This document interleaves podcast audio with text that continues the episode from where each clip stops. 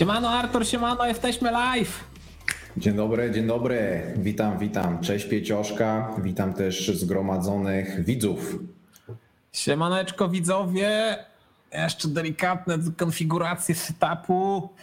O, No. jeszcze I lampeczka. tam. Lampeczka jeszcze. Ta O, lampeczka kurde. klimat, wiesz. Jest, jest, jest. U ciebie ten setup mi się podoba faktycznie. Artur, jak tam, jak tam żyjesz? Jak ostatni tydzień? E, bardzo fajnie. E, właśnie przed dzisiejszym live'em dosłownie przełamałem się i nagrałem nowy filmik na swój YouTube, bo ostatnio przez te wszystkie live'y, przez te 30 dev stories i tak dalej, e, nie mogłem w ogóle się zebrać, żeby nagrać jakiś taki filmik. No i dzisiaj w końcu się udało, nagrałem, więc jutro powinien wlecieć na kanał. A tak ogólnie myślę, że fajny, fajny to był poprzedni tydzień. A jak u ciebie? Jak u ciebie? No powiem ci, że ja bardzo podobnie jak ty też nagrałem film, a nawet dwa. Hmm. E, Co prawda to nie są publiczne filmy, bo to są filmy tylko Dla dla, VIP-ów. E, Można tak powiedzieć, można tak powiedzieć, bo nie wiem czy wiesz, ja mam swojego Patronite'a, na którym to Właśnie coś, coś mi się tam obiło o oczy. No. Nie, nie, wiem o, więcej o tym, ale możesz No, no, powiedzieć no. właśnie. Yy, Generalnie chodzi o to, że jeśli ktoś chciałby na poważnie jakiejś takiej mojej porady, pomocy i mm, jakby wykorzystać tą moją wiedzę, którą, którą zdobywałem przez te kilkanaście lat pracy zawodowej, mm, to z różnych, na różnych obszarach i, i na obszarach miękkich i twardych i tak dalej, no to mogę śmiało pomóc yy, właśnie w, w takiej współpracy patronajtowej. I dzisiaj dla swoich patronów opublikowałem, e, wrzuciłem dla nich tylko dwa filmy, więc e, no spoko, jakby to podobnie tak jak ty, przełamałem się, bo to, to jest właśnie taki ten etap, że kurczę, spoko, robimy te live'y, ja też tam jakieś tam jeszcze inne live'y robię i no, bardzo fajnie, bo jestem ciągle produktywny, bardzo mi się to podoba, ale jeśli chodzi o tworzenie takich filmów, po prostu filmów od zera, od początku do końca o czymś, no to cisza, to stagnacja niestety u mnie. No ja mam tak, że po prostu jak jestem w rytmie, to po prostu potrafię nagrać dziennie filmik i później je wypuszczać, a jak zrobię sobie jakąkolwiek troszeczkę dłuższą przerwę, to później ciężko mi się po prostu do tego zabrać. Ale myślę, że chyba e, troszeczkę każdy tak ma. E, widzę, że już na czacie pojawili się Dzieje się pierwsi. wi- Tak, tak, są, są widzowie. E, Jest główny widz, jest Valerin Black, Siemano, profesor Green. Profesor Green chyba był na każdym live'ie, albo prawie każdym. Jan, Siemanko, witajcie, witajcie.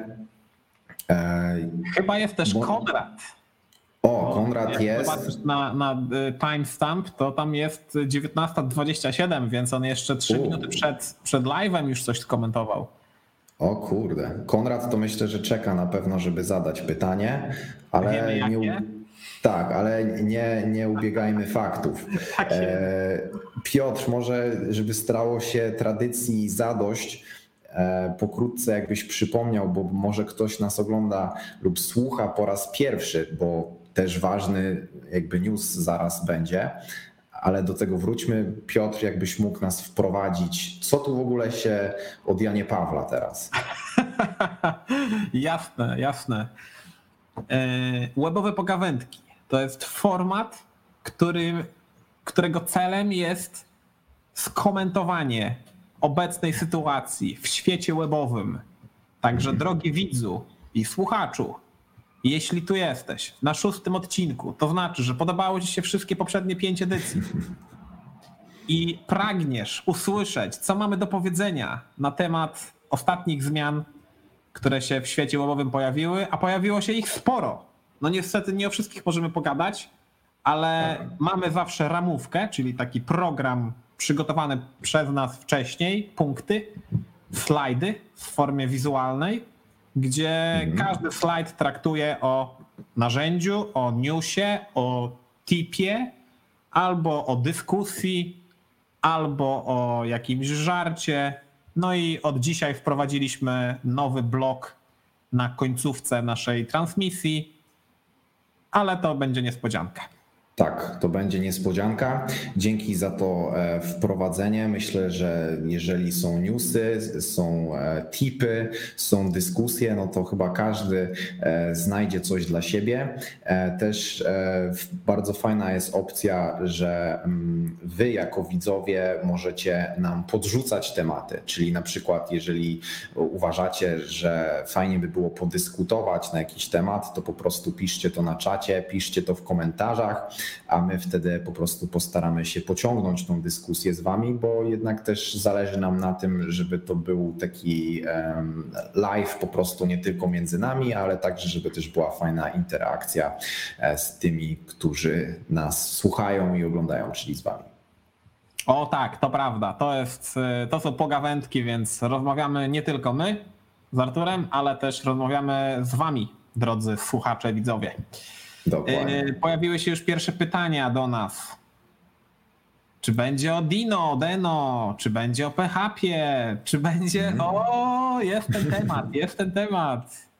Pieciążka, ładny kolor ściany, bardzo dziękuję. Specjalnie na webowe pogawędki ubrałem się w, żółtą, w żółty t-shircik, bo jakby to logo jest żółte moje i, i Artura jest fioletowe, więc dlatego pewnie widzicie już tę, tą identyfikację wizualną.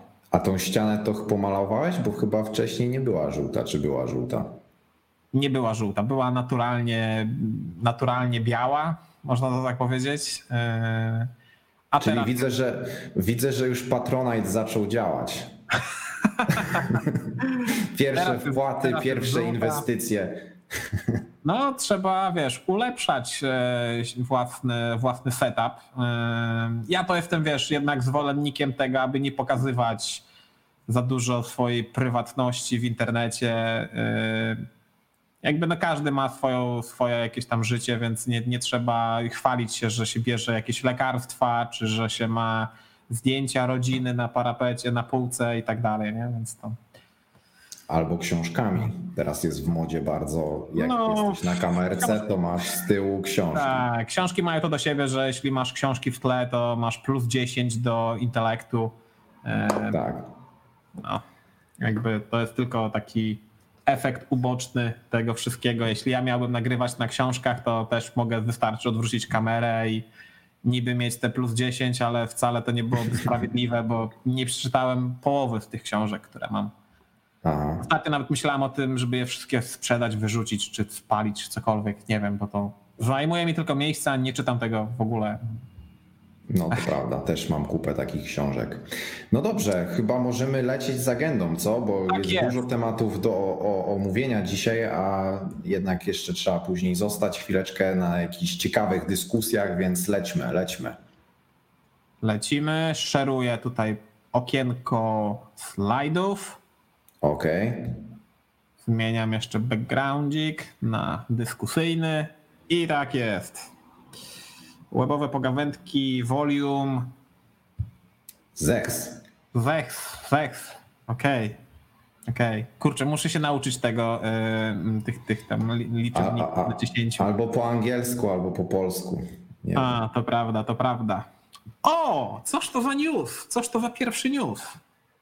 E, pierwszy news jest taki, że spełniliśmy e, prośby i zapytania kilku osób odnośnie wrzucania naszych web pogawędek w formie audio na takie serwisy streamingowe typu Spotify, Podbean, e, Apple Podcasts, Google Podcasts. Do tego możecie tam wpisać webowe pogawędki i powinno Wam to znaleźć. Jeżeli nie zadziała wpisanie webowe pogawędki, to wpiszcie full stack po prostu tak pisane po polsku, po polskiemu, nie full stack, tylko full stack i powinno znaleźć, więc już teraz nie macie wymówki, że nie możecie słuchać e, jadąc samochodem albo rowerem, bo apka YouTube'a nie chce grać w tle to możecie po prostu e, puścić sobie to w waszym ulubionym apce do podcastów.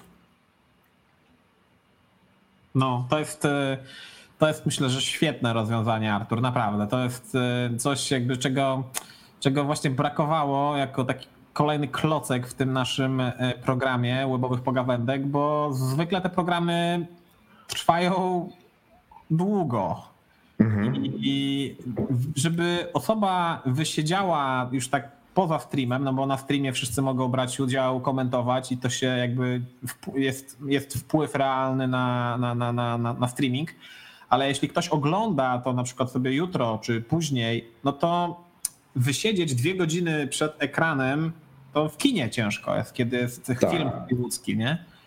A tutaj, kiedy u nas się nie za wiele dzieje na ekranie, no to podcast jest świetnym rozwiązaniem do przesłuchania to, mhm. o czym e, mamy do powiedzenia, mieliśmy do powiedzenia.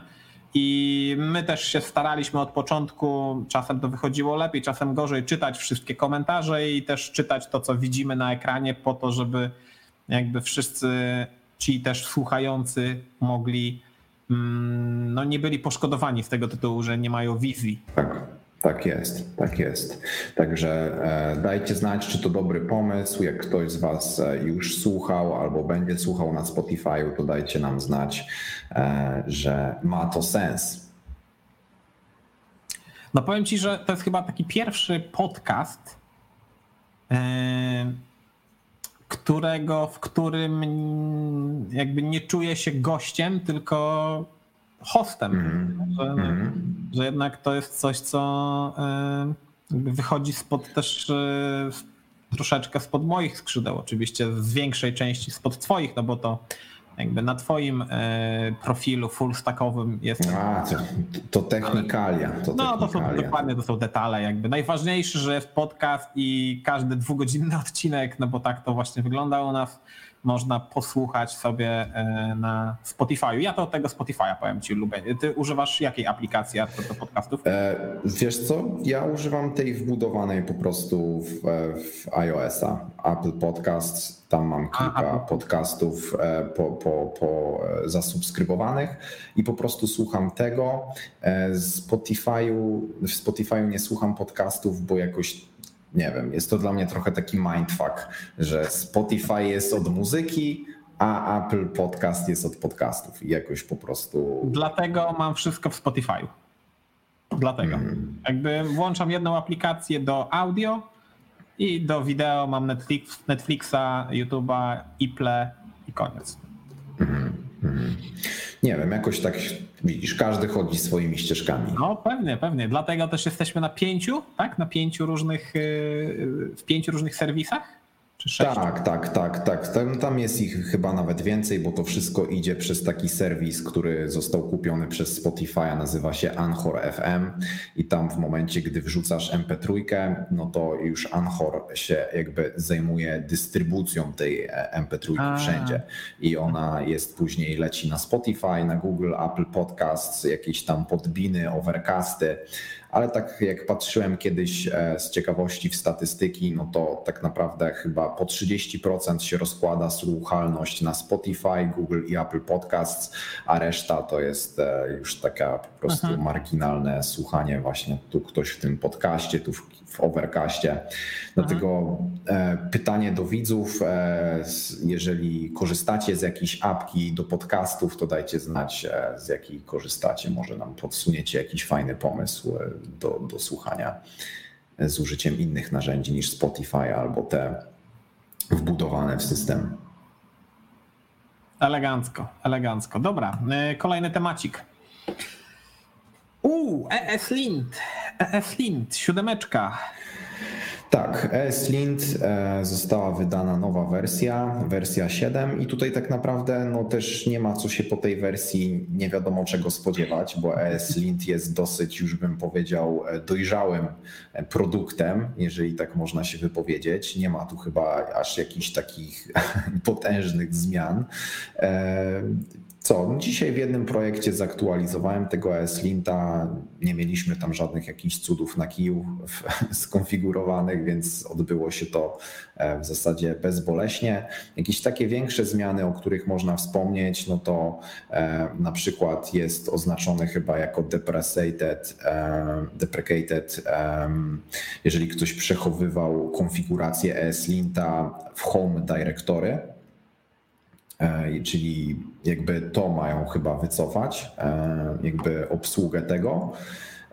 Kolejna rzecz, o której chyba warto wspomnieć, oprócz jakichś takich duperelków, to jest możliwość do, dodawania jakby komentarzy czy takich opisów do reguł takich wykluczających, tak? Czyli na przykład jeżeli ktoś zrobi jakiegoś haka w jakimś e, komponencie i dopisuje na przykład na szczycie pliku, e, że chce tutaj zignorować jakiś błąd lintera, to teraz jest możliwość, żeby się tam wyspowiadać, dlaczego to zrobiłeś.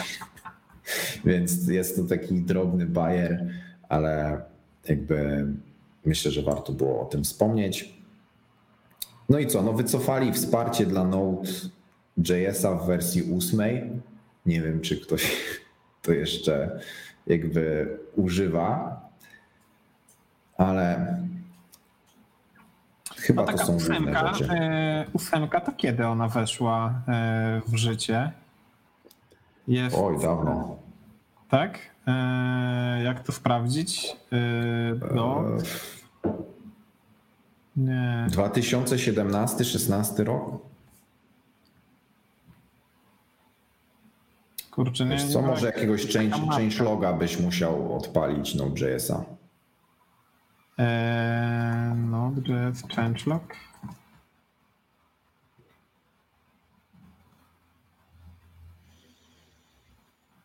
Releases, może tutaj releases. A, może w releasach faktycznie ósemeczka. Yy, ósemeczka 2,17. No. No to równo 3 lata. I to w maju. No, no. Tak. Równo 3 lata. No może ktoś jeszcze tam korzysta, tak? Ale to mu Linter już też nie pomoże. Świetne podsumowanie, dokładnie. dokładnie. Mhm. No, więc, więc tutaj tyle w zasadzie. No, chciałem jakby, nie, nie udało mi się znaleźć jakiegoś może ciekawszego, takiego typowego webowego newsa, bo chciałem powiedzieć o, e, o, o nowym e, wersji silnika Unreal, ale piecioszka mi zabronił, więc musiałem, więc musiałem to dać. No, no to włączmy ten silnik. Unreal, Unreal 5? Tak. Nie wiem, nie wiem, jak to znaleźć. Ja w ogóle, ja w ogóle Artur nie jestem w temacie gier, także ja to. To tylko wspomnijmy o tym, że generalnie e, zostały pokazane, możesz nawet ten Spider's Web odpalić pierwszy, co tutaj tam wskoczył. E, generalnie chodzi o to, że chciałem pokazać ludziom, e, no i tak ktoś się interesuje grami, no to pewnie mniej więcej kojarzy, co to jest silnik Unreal e, Engine e, i generalnie no, po prostu pokazali możliwości, jakie będą w wersji piątej. No i w zasadzie dla mnie to wygląda podobnie jak, no tak fotorealistycznie wręcz, nie? Czyli po prostu nie masz w grze czegoś takiego, jak teraz masz w grach, że na przykład jak widzisz daleko jakiś obiekt, jakąś, nie wiem, budowlę albo e, jakąś górę, no to ona jest przysłonięta jakąś mgłą na przykład, tak? Po mhm. to, żeby jakby oszukać i żeby komputer miał czas na wyrenderowanie na przykład tej góry, no to nie widzisz wszystkiego tak, jak widzisz to w filmie. A teraz e, ten nowy engine po prostu będzie ci pozwalał, żeby renderować to wszystko mm, no, fotorealistycznie jak na filmie, tak, że, że po prostu nie będziesz miał tej mgły.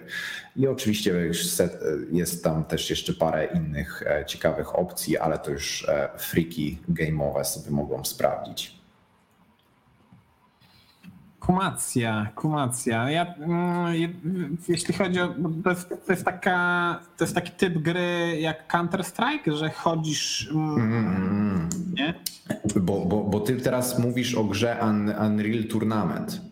I jakby to była taka gra ala jak, e, jak Counter, czy tam bardziej Quake, e, Quake 2 e, albo 3, ale jakby to już jest inna rzecz. To jest po prostu silnik, który jakby umożliwia ci tworzenie dowolnych gier w oparciu o ten aha, silnik. I aha. oni ci tworzą jakby takie SDK, e, dają ci narzędzia do ładowania tekstur, e, dają ci po prostu szereg różnych takich jakby bibliotek, dzięki którym możesz tworzyć gry na PlayStation, na iOS-a, na mm, na Androida, na PC, na Maki, e, także oni ci dają gotowy silnik i ty po prostu w tym możesz tworzyć.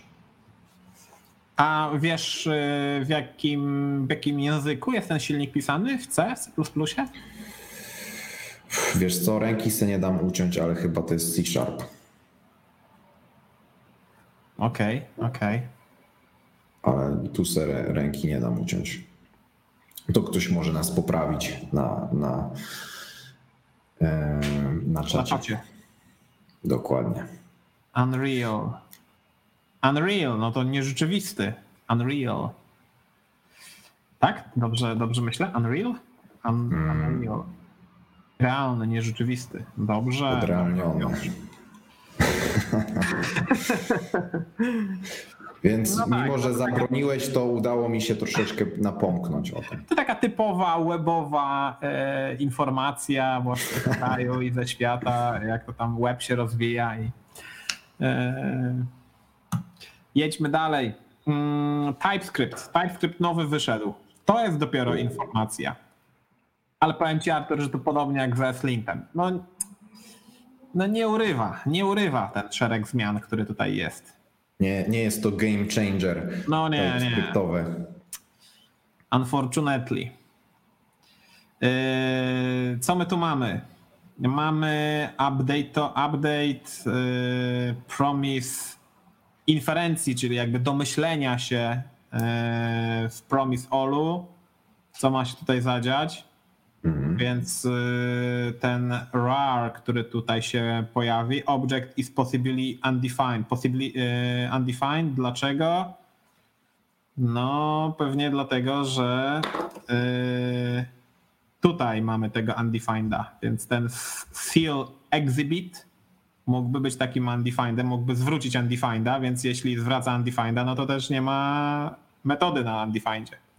Więc mhm. bardzo fajnie, bardzo fajnie do jakby ten tryb, nie tryb, tylko ten y, mechanizm domyślania się typów w TypeScriptie jest dla mnie czymś takim, takim bardzo dużym argumentem za TS-em. Jakby, że nie, nie trzeba jawnie tak explicit i wszędzie definiować tego typu i się trzymać i pamiętać, gdzie tam jest ten typ, tylko sam TypeScript już to podpowiada i to jest super. No oczywiście to w językach silnie e, typowanych ma miejsce jakby out of the box, ale no tutaj w TypeScriptie, mm. który się ciągle rozwija, mm, nie jest aż tak perfekcyjny, aczkolwiek jest naprawdę świetnym mechanizmem. Mm. Mamy jeszcze jakieś tam optymalizację prędkości. O, to jest bardzo ciekawy e, feature, że będziemy mogli mieć mm, możliwość jakby jawnego powiedzenia, że tutaj w tym miejscu ma być, że, że ten error ma się pojawić, że jest jakiś expect, TS hmm. expect error. Ale to jak, to jak to działa? To, to, to, tylko w testach to jakby stosujesz, czy? Ja tego, wiesz, ja, ja to jeszcze na TS-ie tam 3.1 jestem, także ja to Aha. E, nie, nie, nie używałem. Jak to wyszło? Kiedy to wyszło? 12. Dwa dni mhm. temu. Więc na pewno ja jeszcze nie, nie, nie, jakby nie miałem czasu, żeby, żeby użyć tego gdzieś tam u siebie w kodzie. Yy, ale tak, wyobraź sobie, że masz do napisania bibliotekę w TypeScriptie, która eksportuje pewną funkcję do staff jako publiczne API. Yy, mhm. Typ funkcji zadeklarowa- typy zadeklarowanej funkcji yy, to są dwa stringi tak po to, żeby inni użytkownicy, którzy używają e, TypeScripta, mogli mieć e, czeki typów, czyli że weryfikację tych typów, żeby mieli błędy związane z, z niepoprawnym typem. Ale również możesz w runtime sprawdzić, możliwe, że tylko dla developmentu, dla, dla buildów deweloperskich, że ten typ jest wymuszany w runtime. E, tu, żeby udostępnić użytkownikom, e, którzy tworzą aplikacje tylko w JavaScriptie, jakiś pomocny error. O. Tak to w, w wolnym tłumaczeniu mm, moim wygląda. Mm, powiem ci, że jakby chyba za mało ogarniam TypeScripta, żeby... No właśnie, jakby... Artur, musimy to nadrobić. To musimy nadrobić kiedyś, żebyśmy tak No. Zrobili jakiegoś takiego live'a wspólnego czy coś, tak nie 8 godzin z, type, z TypeScriptem. No. Od zera do bohatera takiego. mi to się podoba, mi, mi to się podoba. Nie wiem, czy dałem radę fizycznie wytrzymać, ale no. Co tam E, jeszcze mamy w tym Co tutaj update'cie? jeszcze jest ciekawego? Y, Tipy, takie pomocne tipy, jak na przykład y, funkcja, która jakby y, no, no, podpowiedź, że chcesz używać funkcji, ale chcesz używać jakiegoś symbolu, ale tym symbolem jest funkcja, no to potrzebujemy oczywiście uruchomić taką funkcję. Mamy y, lepszy komunikat błędu z jakąś tam pewnie podpowiedzią. Mm, że w tym miejscu nie uruchomiłeś funkcji, tylko użyłeś jej referencji, czyli ten if zawsze będzie prawdziwy. Mhm. A to już Super. jest y, duże ryzyko kodzie.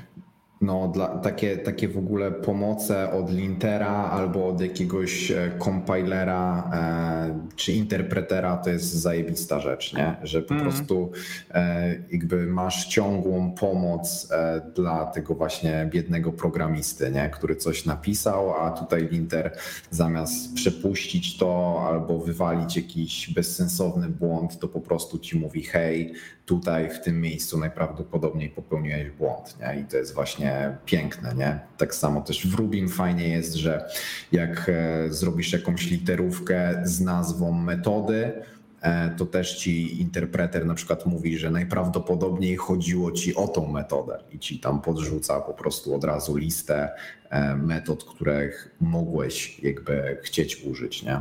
Więc ba- bardzo fajne, lubię takie rzeczy. No to prawda, ja też, ja też lubię. I tutaj masz w edytorze nawet mm, Visual Studio Code, no bo Visual Studio Code, kiedy zainstalujesz, to on już e, ma w, No tak. w swoich, e, w swoim Na, naczynia połączone to są bardzo mocne. O, świetne określenie. E, No to jest już podpowiedź, że po pierwsze komunikat podkreś, podkreślony, tutaj ten, ta sytuacja mm, wrażliwa i jest komunikacik, że prawdopodobnie chodziło ci o uruchomienie funkcji, więc pewnie ten quick fixik uruchomiłby, czyli dodałby parentheses, nawiasiki i hits. Super Fajne. opcja, super opcja. No pojawiły się sporo jakichś improvementów właśnie do edytora e, i też to jest w sumie jedna z takich ważniejszych rzeczy, bo generalnie TypeScript zawsze polegał na ECMAScript modules, czyli to, co mamy w, w JS-ie też, nie? E, Ale kiedy importujemy coś z użyciem require'a, no to już jakby TypeScript nie chciał pomagać, to znaczy ten e, ten, sil, ten silnik, e, jak to się nazywa? No zapomniałem, kurczę, na literkę L, już nie pamiętam e, jak to tam się dokładnie nazywa. Ten supporter taki TypeScriptowy e, nie, nie pomagał przy dołączaniu importów, kiedy importowałeś coś za pomocą CommonJS standardu, nie? Mhm, No to teraz mm, to jest chyba... Nauczył się to robić, tak? Tak, tak, nauczył się yy, nauczył się to robić. O, zobaczmy. No i elegancko. Fajnie. Super opcja. To jest jakby takie działanie już dawno jest w TS-ie, tylko z użyciem ECMAScript modules, nie? Teraz mamy coś, e, coś z użyciem CommonJS. No są jeszcze jakieś tam mniejsze błędy. Tutaj też jest znowu jakaś podpowiedź, że prawdopodobnie zapomniałeś zwrócić takiej y, wartości A, i tak to, dalej. cze- to częsty, to stary numer. No dokładnie, dokładnie. No dobra, no to to z, z takich y, najważniejszych zmian to tyle, jakby no tutaj nie za wiele się wydarzyło. Są też jakieś breaking changes. y, może tu jest support y, for solution style. O, to jest coś ciekawego. Ale o tym nie mam pojęcia. References, że są TS configi per środowisko. O, bardzo ciekawe. No trzeba się nad tym przyjrzeć i jakiś tam testowy projekcik zrobić. Generalnie TS config to jest konfiguracja projektu napisanego w TypeScriptie, tego codebase'a, codebase'u, który masz w TS-ie No i możesz sobie skonfigurować TypeScript na bardzo różne sposoby. Po pierwsze, możesz tam zapisać, jaki y, input zawsze masz TS-owy, ale jaki output chcesz mieć. Czy chcesz outputować, czyli kompilować do standardu ECMAScript 5 z 2009 roku, czy do standardu ECMAScript 2015, wiadomo z którego roku, czy jakby chcesz w locie coś jeszcze porobić, nie? No i plus Okej. oczywiście flagi, które masz w TypeScriptie, możesz flagi strict, masz ich 6 czy tam 7, możesz sobie powłączać, nie? że możesz zrobić to albo nie możesz. Możesz e, na- jakby nie weryfikować e, pod kątem nula każdej wartości, albo musisz to robić nie? i tak dalej. No, więc w takim TS configu się umieszcza takie rzeczy, e, a tutaj widzę, że jest jakieś wsparcie dla różnych, e, nie wiem jak to, dla różnych środowisk. No, bardzo ciekawe. Są Czyli jakiś taki bardziej, bardziej pewnie elastyczny sposób e, tam ustalania tej konfiguracji. Jak No pewnie tam- tak, bo generalnie już teraz możesz sobie, i teraz nawet jest dobrą praktyką, że masz test config inny dla plików z testami. A inny dla e, mm, jakby codebase'u z logiką biznesową, nie? No bo No to, to się kojarzy mi nawet, że pewnie w testach, żebyś mógł bardziej swawolnie sobie pisać tego TypeScripta, e, nie spinać się tam nad wszystkimi e, typami, bo jakby może to być szybsze, tak? A, a w testach pewnie nie chodzi o to, żeby były tam super piękne, nie? No, dokładnie, dokładnie. Aczkolwiek te typy nawet i w testach pomagają. E, Mamy kilka komentarzy. W temacie TypeScriptia polecam rzucić okiem na E ESBuild. ESBuild. ESBuild, dobra, wchodzimy. E, ESBuild. Extremely fast JavaScript O. bundler and minifier. Ostatnio to też było o jakimś, e, też, też poruszałeś temat e, jakiegoś tam super hiperbundlero serwera. No, no, Wajta, Wajta. To właśnie od, od zaiste e, o tym Wajcie słyszałem, w sensie Kuba mi powiedział, więc e, fajnie, że Kuba jesteś z nami, pozdrawiamy. E, ES Build, jaki super szybki, zobacz na to. O kurde. Co? No to tu jest, patrz jaka różnica między webpackiem a ES Buildem. No. No ciężko mi w to Było. uwierzyć, powiem ci. Wiesz, może ci to builduje szybko, ale nie masz różnych jakichś feature'ów, które ma Webpack albo Parcep, tak? Cholera wie. No bardzo, bardzo możliwe, że nie ma jakichś pluginów, czy, czy jakby czegokolwiek innego, co jest e, w webpacku bardzo rozgarnięte, nie? czy konfiguracja, która w webpacku jest super rozgarnięta. E, Sam ten projekt jest dosyć już taki mature, można powiedzieć. A ES Build to jakaś, jakaś nówka. Nie wiem ile to release'ów ma. Zapo- zapomniałeś stara dać jeszcze. A, to prawda, dziękuję bardzo, dziękuję. No to jest w tydzień czasu już ma ten projekt, no to ja bym na produkcję w to wchodził. To już Wszystko dojrza- przenosimy. dojrzały projekt, to trzeba przepisywać teraz. Komentarz. Cześć, ludzie wolą transmisję w czwartek? Jeśli o mnie chodzi, to wolę w środę. W czwartek nie mogę być z wami online. Przykro słyszeć, Adrian, ale wydaje mi się, że to trochę jest tak, że nigdy nie znajdziesz terminu, który będzie pasował wszystkim. To prawda. Niestety To tak prawda. jest. To prawda, zgadzam się. Yy, Świetny pomysł, Dominik. Live coding z TypeScriptem. Taki 8-godzinny hackathon. No. Albo w piątek przy piwie będzie się dobrze dyskutowało. W piątek wszyscy wyjeżdżają do swoich rodzinnych stron zwykle, albo na wakacje, albo gdzieś tam, więc nie ma najlepszego terminu. Właśnie, Language Server Protocol, to jest to Kuba. yy, A, to miałeś na końcu Tak, języka. Mówiłem, że na L. Mówiłem, że na L. Chyba mówiłem, że na L. Mówiłeś, mówiłeś. No, no, no. Mm, Idealnie, akurat jutro piąteczek, popołudnie, najlepszy czas wypuszczania na produkt. O, dokładnie, tak jest. Replaceujemy Webpack to ES Build i polecam spojrzeć na projekt, który robi Evan Wallace. Kojarzysz, Artur? Mm, Nie znam, nie znam. Evan Wallace. To jest możliwe, że to jest twórca Houdini.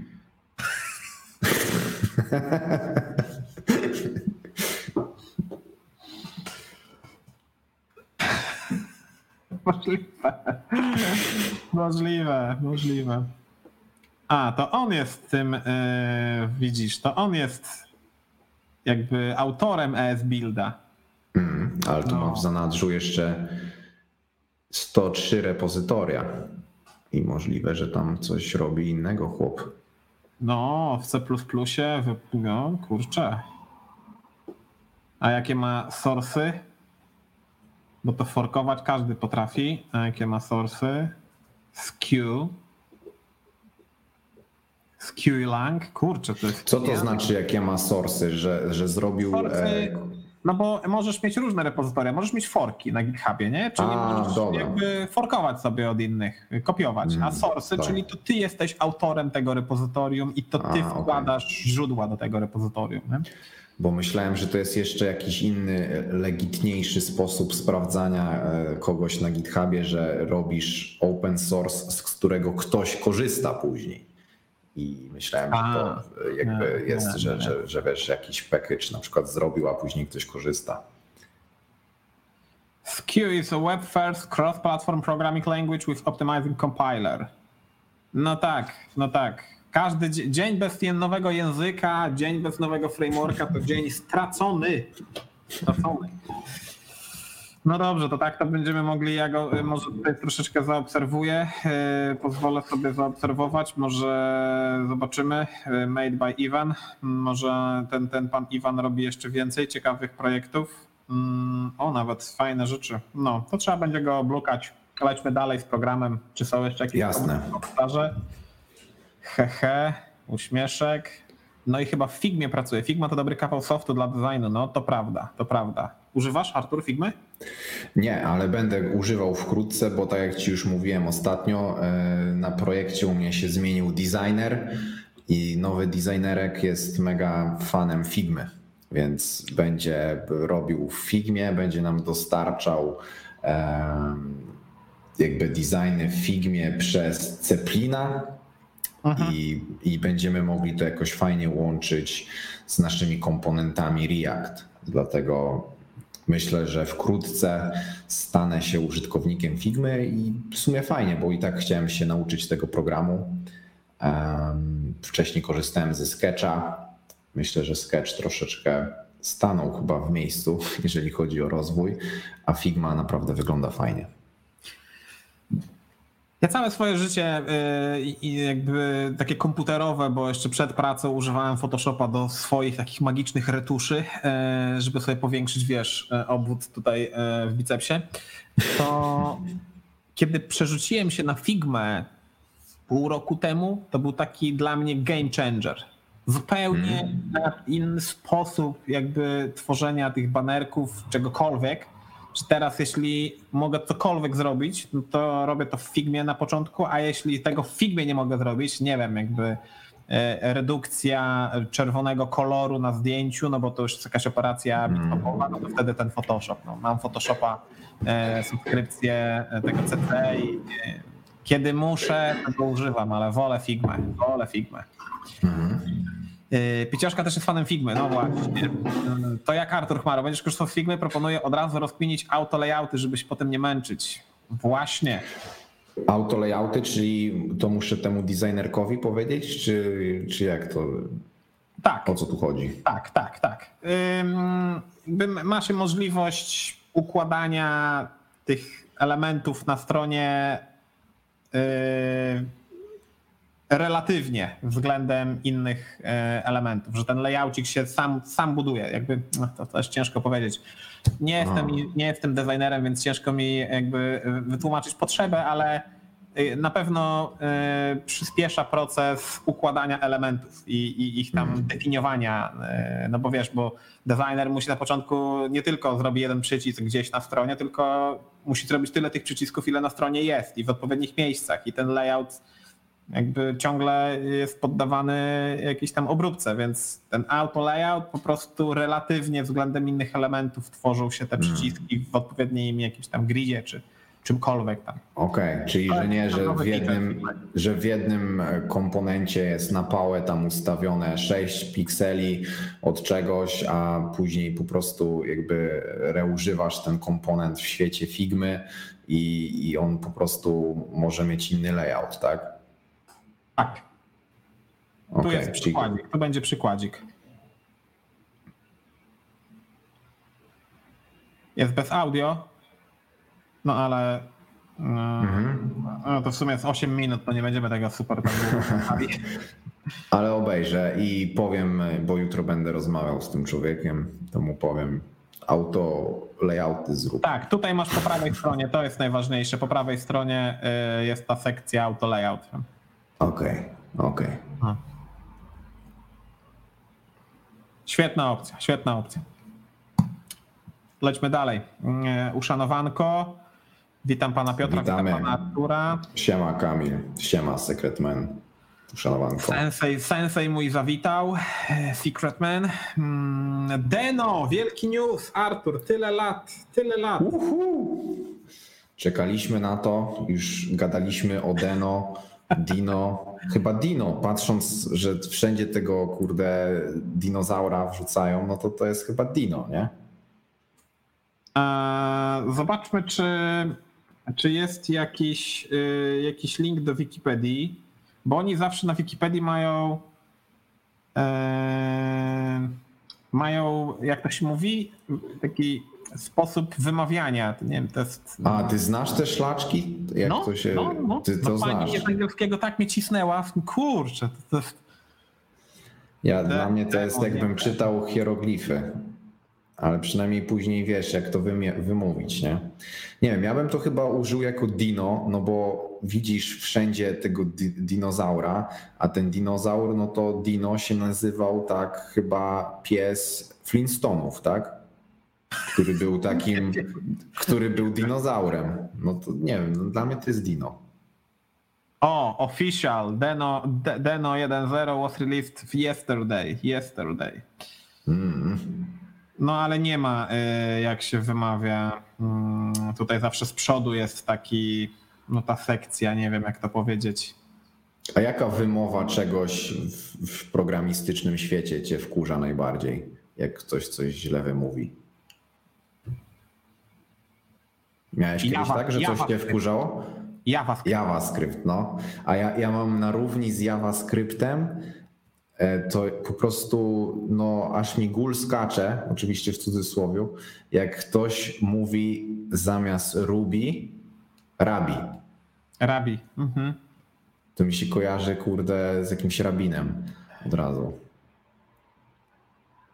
Rabi Lang, albo nie wiem, jak na Wikipedii znaleźć, no to nie ma to znaczenia. Eee, to prawda, to, to prawda. Także nie o. mówcie JavaScript. JavaScript. Deno, Dino. No. Ja po, po japońsku ci znalazło. Dino. Dino. Ale trudno powiedzieć, czy to jest, wiesz, taka wymowa, jaką sobie no autorzy, nie? Bo, bo może być różny. Może być, e, no, tak jak autor, tak jak autor chce. Yy, no. No ale tak, jest wreszcie Deno 1.0. O, Bartek Iwanczuk, to jest nasz, nasz chłop, swój człowiek, Polak. Jako jedyny z Cortimu, który mm, no też e, organizował Deno Polska, Deno Warsaw. E, pamiętasz Artur, jak ci mówiłem, jak razem rozmawialiśmy na, na webowych pogawędkach chyba jedynce czy dwójce, że, że ta społeczność e, no niestety ciężko to nazwać umiera, skoro się jeszcze nie narodziła, ale po prostu e, Bartek zrezygnował z prowadzenia meetupu. Byłem na pierwszym i ostatnim. E, nawet wygrałem książkę. Może tą książkę pokażę. O, pokaż, pokaż.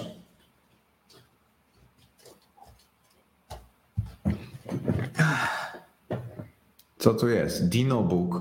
O. Zajebiście. No. Yy, standardowo. Nie przeczytałem jej.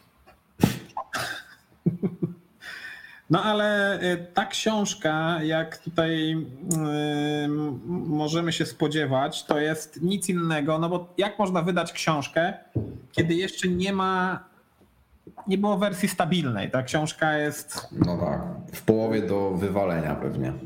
z 3 października zeszłego roku. Hmm. No. To się mogło pozmieniać ładnie w międzyczasie. No dokładnie i to się zmieniło i do, dosyć sporo się zmieniło, więc e, no nie będę tej książki czytał, ale będę ją miał, bo e, to jest moja pamiątka po pierwszym i ostatnim meetupie Deno w Polsce, w Warszawie. Z, za 10 lat będzie miała wartość kolekcjonerską, jak taki biały kruk. Właśnie, właśnie. Generalnie wystawię ją na aukcji i tam cena, cena minimalna, nie wiem, 100 tysięcy i jakby zobaczymy do, do, do ilu milionów to dojdzie. Nie? Słuchaj, to może teraz zrób nam takiego elewator pitcha, e, co to jest Deno. Z przyjemnością. Napisałem o tym dzisiaj na e, fanpage'u Warsaw.js, bo zawsze co czwartki e, jest taka sekcja warto wiedzieć, którą prowadzę i zawsze coś tam ciekawego wrzucam. I tutaj przygotowałem właśnie taki elevator pitch, można to tak nazwać, czyli tak.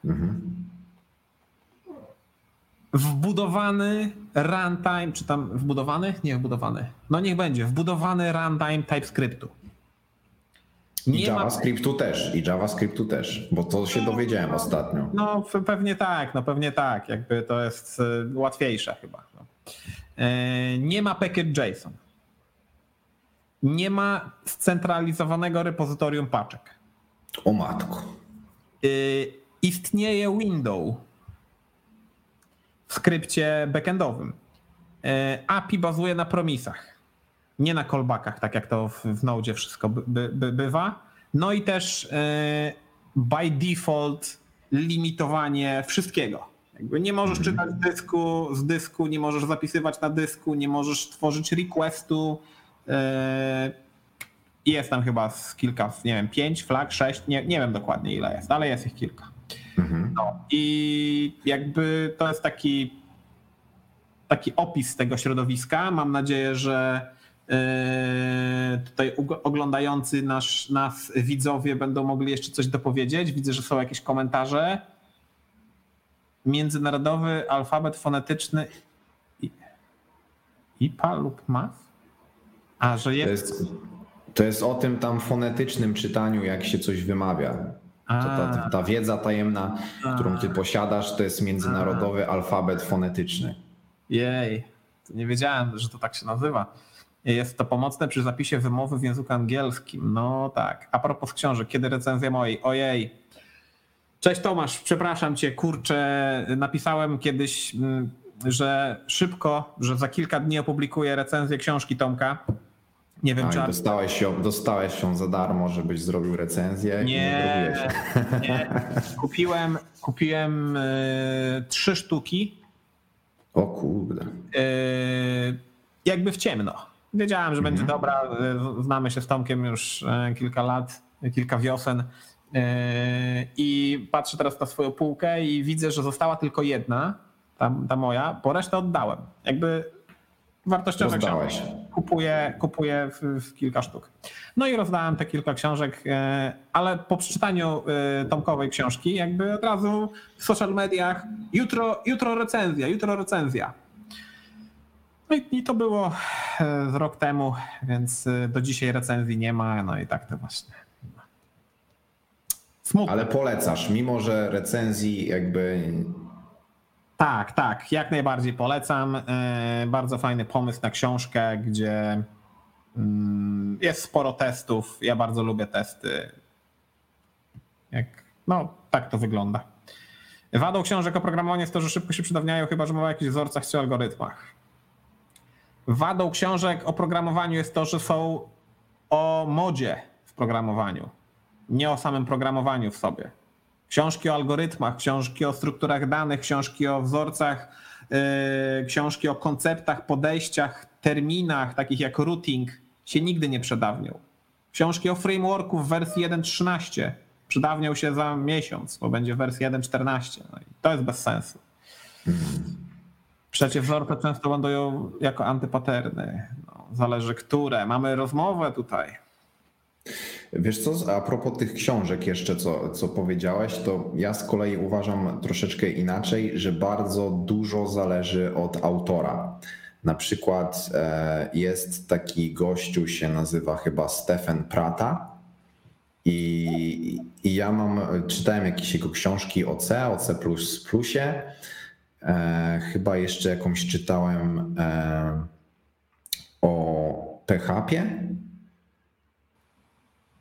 No, to jest ten ziomuś tam, co, co się wyświetlił, nie? Mhm. W, każd w każdym razie wydaje mi się, że gościu, przynajmniej moim zdaniem, ma jakby talent przemycać ci różne tematy, tak? Czyli po prostu jakby niby książkę pisze o C, ale potrafi ci jakby zasygnalizować różne rzeczy, które moim zdaniem są trochę uniwersalne i równie dobrze możesz je później odnieść, nazwijmy to, w swoim e, życiu e, programisty.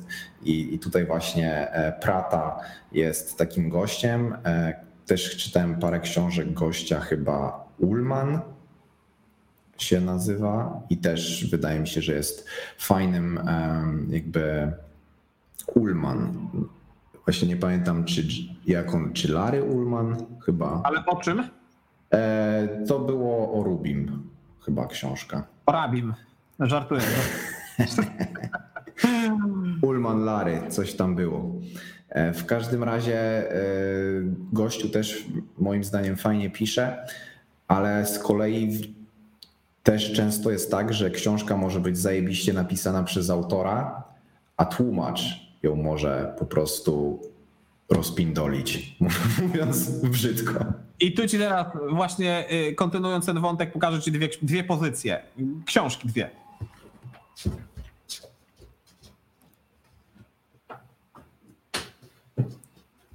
Obie książki są o tym samym.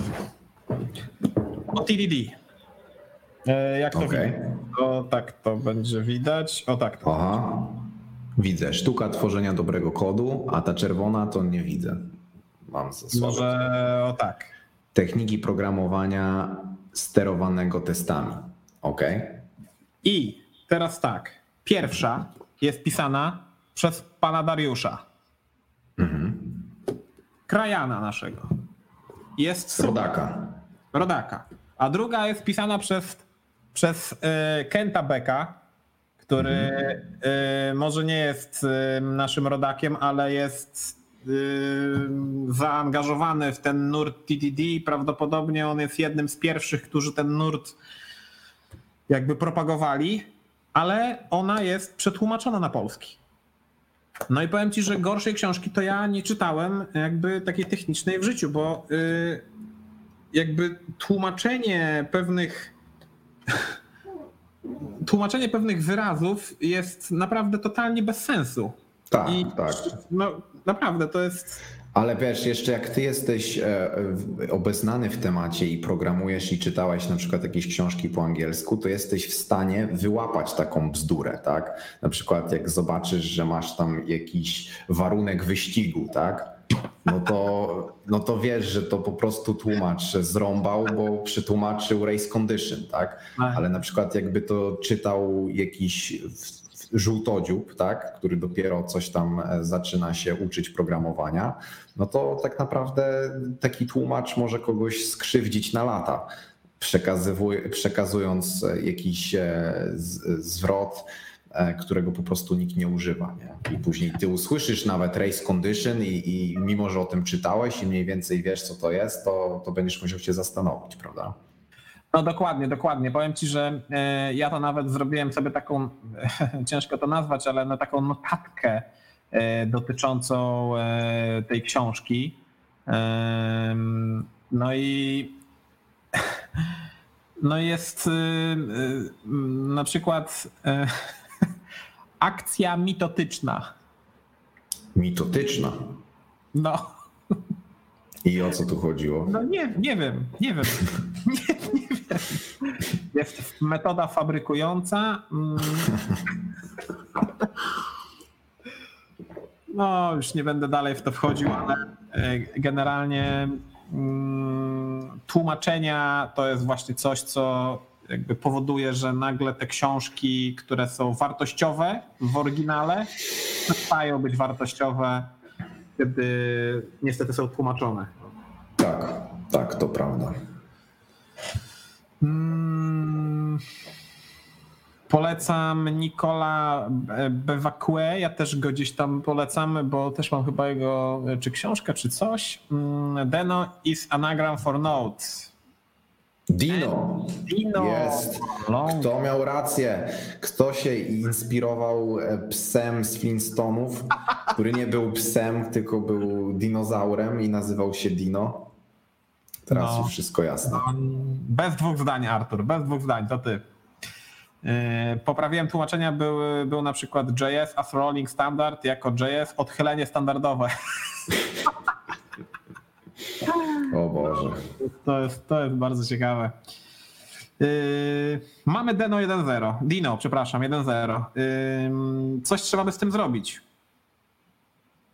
Coś trzeba by z tym zrobić kiedyś. To też jest myślę, że warty, warty taki. Nie wiem jak ty, Artur, ale ja się kiedyś uczyłem na hackatonach, czyli brałem mhm. sobie. Yy, brałem udział w jakimś hackatonie, jakimkolwiek, którym jakby był najbliższy. I podczas tego hackatonu wiesz, pomysł wymyślić na aplikację to jest po prostu 5 minut, wychodzisz na dwór, patrzysz na świat otaczający i masz już pomysł. Tak.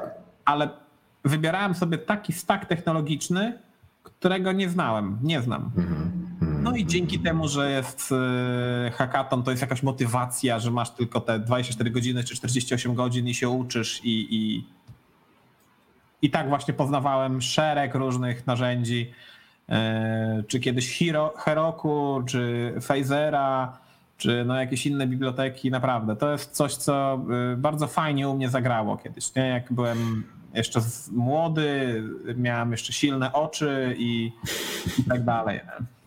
Ale to jest ciekawe, co mówisz, bo e, na przykład ja w sumie byłem raz w życiu na takim grubszym hackatonie i na przykład ja miałem takie podejście, że chciałem jak najwięcej wyciągnąć z tego hackatonu pod względem takim, żeby pocisnąć tą aplikację i wygrać ten konkurs po prostu ze swoim teamem i jakby odłożyliśmy na bok właśnie aspekt uczenia się i każdy starał się tak naprawdę używać takiego prostego młotka, którym naj, najlepiej się posługujesz, po to, żeby po prostu w te 24 godziny pocisnąć temat najbardziej jak się dało, e, żeby zgarnąć nagrodę. Nie? I, i, I to po prostu wtedy tak było, ale jakby to, co mówisz, też jest ciekawe podejście, ale też trzeba wybrać mądrze, bo no, co z tego, że wybierzesz na przykład, nie wiem, e, że napiszesz coś tam w raście albo, nie wiem, zrobisz coś w WebAssembly, jak się może okazać, że stracisz 4 godziny, żeby w ogóle, wiesz, jakiś tam Hello World zrobić nie? na swojej maszynie. Nie? No właśnie trzeba sobie wcześniej e, zadać jedno pytanie. Jaki jest cel brania no udziału? To prawda, Jeśli to cel to jest pierwsze miejsce, no to to używamy młotka, którego już mamy w kieszeni. Mhm. E, a jeśli celem jest edukacja i rozwój osobisty, no to wybieramy cokolwiek. Ja, ja jakby mhm. nigdy się nie zamykałem na to, że ojej, to tej technologii nie znam i nie, nie chcę mi jej się uczyć. No nie, jakby mhm. jest po to hackathon, mam motywację, żeby wziąć w nim udział, mam czas, mam zasoby, więc, więc działam. Czyli no i musisz tak... pomyśleć nad jakimś hakatońskim projektem, żeby użyć Dino. A może, może zorganizowalibyśmy, Artur, dla naszych widzów i słuchaczy taki hackathon? Moglibyśmy, moglibyśmy, ja bym porozmawiał z niektórymi firmami, bo mam jakieś tam kontakty, y, że może jakieś nagrody by się pojawiły i. Temat jest bardzo ciekawy. E, ja jakby.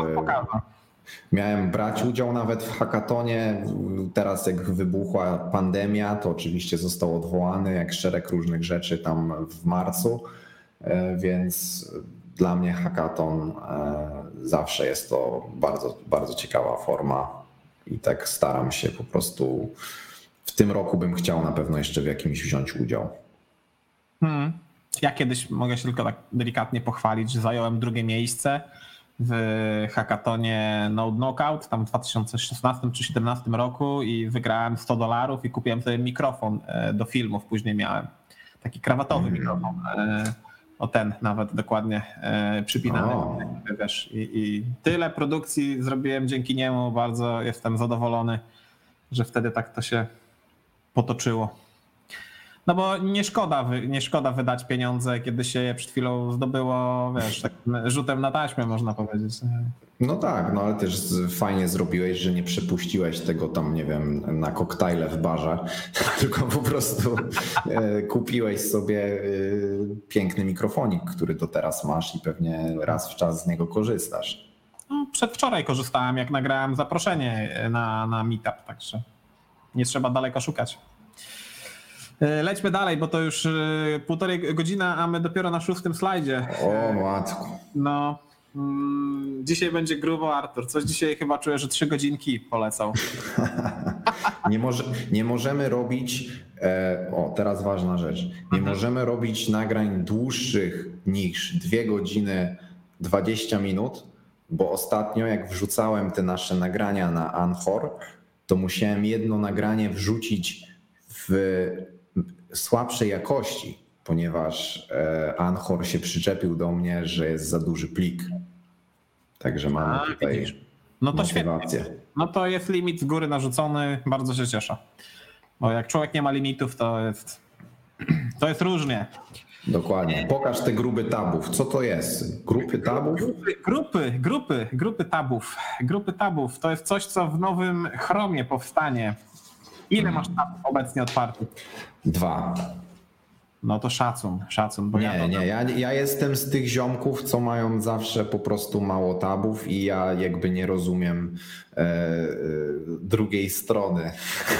No i, Że ktoś ma 80 tabów otwartych przez dwa lata. i powiem ci i e, vice versa, bo ja jestem tą osobą, która ma 80 tabów otwartych i nie rozumiem, jak można mieć tylko dwa. Jakby co się dzieje z tobą, co się dzieje z ludźmi, którzy mają tylko dwa taby otwarte. No właśnie. Tutaj nawet mm, w artykule mm, napisali, mm, że są te dwie grupy osób. Albo jesteś tab minimalistą, albo jesteś tab kolektorem. Piecioszka. I cała esencja polega, o gdzie tu będzie ten GIF? E, Cała esencja polega na tym.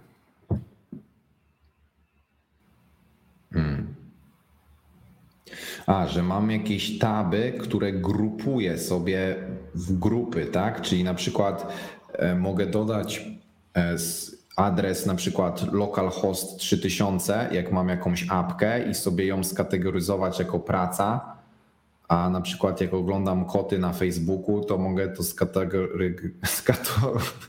Tak. y, mogę to sobie zgrupować inaczej. Mhm, no dokładnie. Ja zainstalowałem dzisiaj, mam, e, nie wiem czy tu będzie widoczne, e, bo teraz to jest wydane jako, jako plugin, a później to będzie wrzucone e, do jednego wora, że będziesz miał to już w Chromie domyślnie, tak? Yy, wiesz co, z tego co w artykule jest napisane, to że można już używać tego it is available in latest version of Google Chrome Beta. Hmm. Ja mam najnowszą betę, zainstalowałem dzisiaj 83. Nie wiem, możesz sprawdzić jaką ty masz wersję u siebie? Ja mam Brave'a, kolego.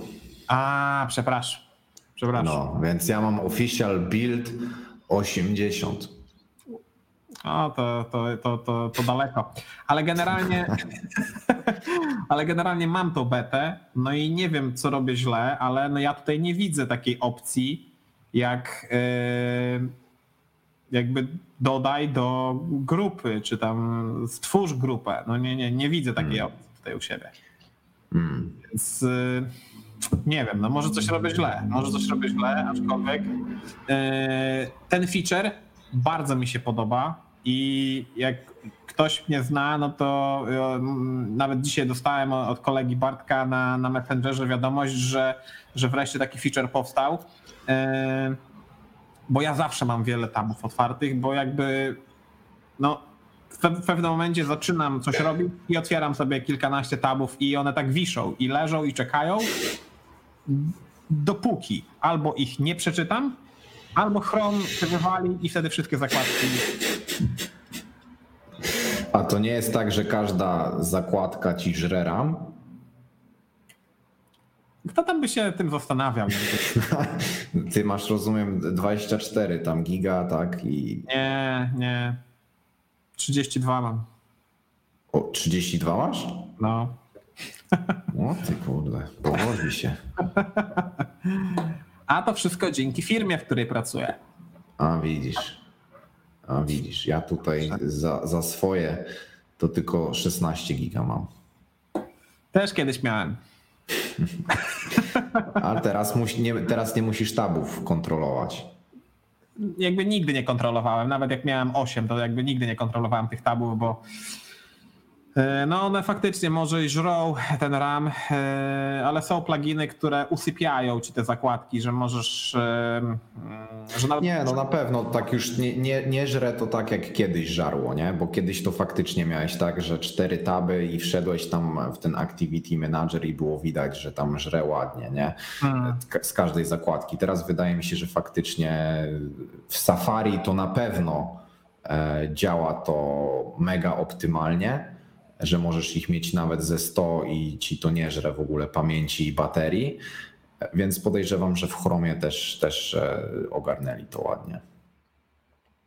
No, bardzo możliwe. Bardzo możliwe. Ja z Safari to pomimo tego, że jestem e, wieloletnim użytkownikiem e, macOSa, to z Safari to tak mam do czynienia tylko kiedy jakiegoś baga trzeba, wiesz. Tutaj dam od siebie tipa, że fajnie się korzystać z Safari, jak na przykład musisz przycyganić na baterii i na przykład jedziesz gdzieś e, pociągiem albo jakimś tam, nie wiem, e, busem i nie masz dostępu do gniazdka i wtedy odpalasz Safari, bo Safari ci naprawdę bardzo mało zużywa prądu. No, możliwe, możliwe. Eee, tego nie wiem, tego nie wiem, mm, ale na telefonie, yy, no w sumie dobra, to nie, nie ma znaczenia. Są też flagi, ja te flagi teraz powłączałem, ale no niestety nie mogę zrelaunchować przeglądarki, bo jeśli kliknę relaunch, no to nagle... Zerwie nam stream. No chyba... Przetestujemy? Nie, powiem ci, że chyba Dobra. aż tak nie pragnę zobaczyć tych grup, żeby Dobra. nam przerwało streama. nie, chyba by nie przerwało. Aha. Ale o, jakby nie ma co ryzykować. Dobra. E, wszyscy wiedzą, jaki, jaki to jest feature, czy są komentarze.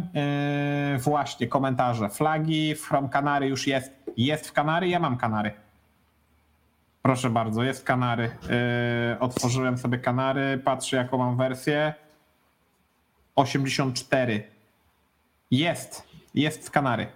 Dobra, to ja poszeruję w takim razie ekran cały, żebyśmy wszyscy widzieli. Zobaczymy ten feature live.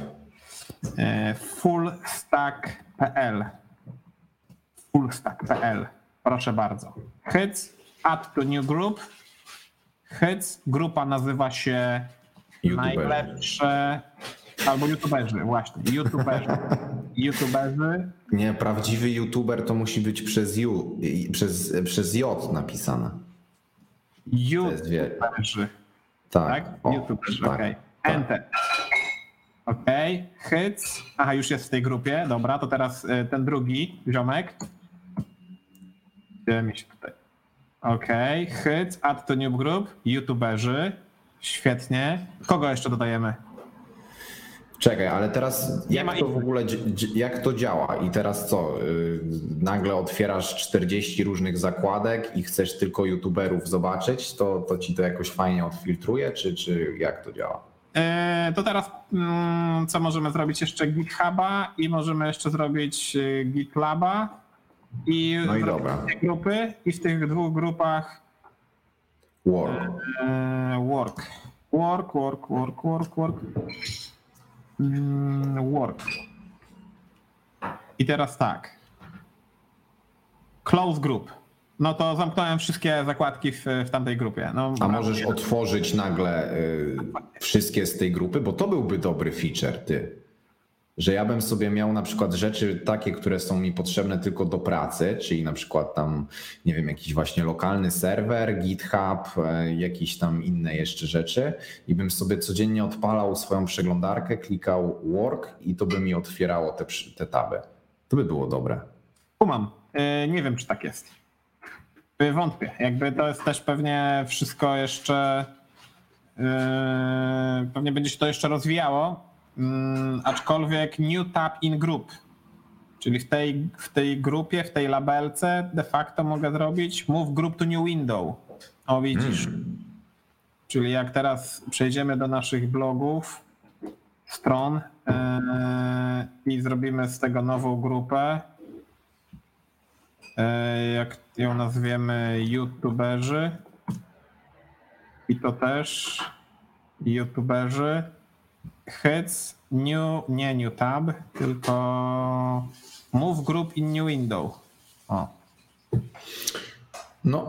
Taki pośredni to jest efekt. No, to nie jest. Rozumiem. Coś, Rozumiem. co. Ja też mógłbym wiele feature'ów tutaj jeszcze w tych grupach wymyślać, bo to jednak warto mieć, mieć na przykład by kolapsowanie. Nie wiem, czy to trzeba znowu e, wchodzić do flag, bo tutaj widziałem, że można kolapsować te flagi Eee, powinien być jakiś feature, wiesz, kolaps, czy zwiń mm. mi te flagi, mhm. zwiń, zwiń mi te tak. grupy.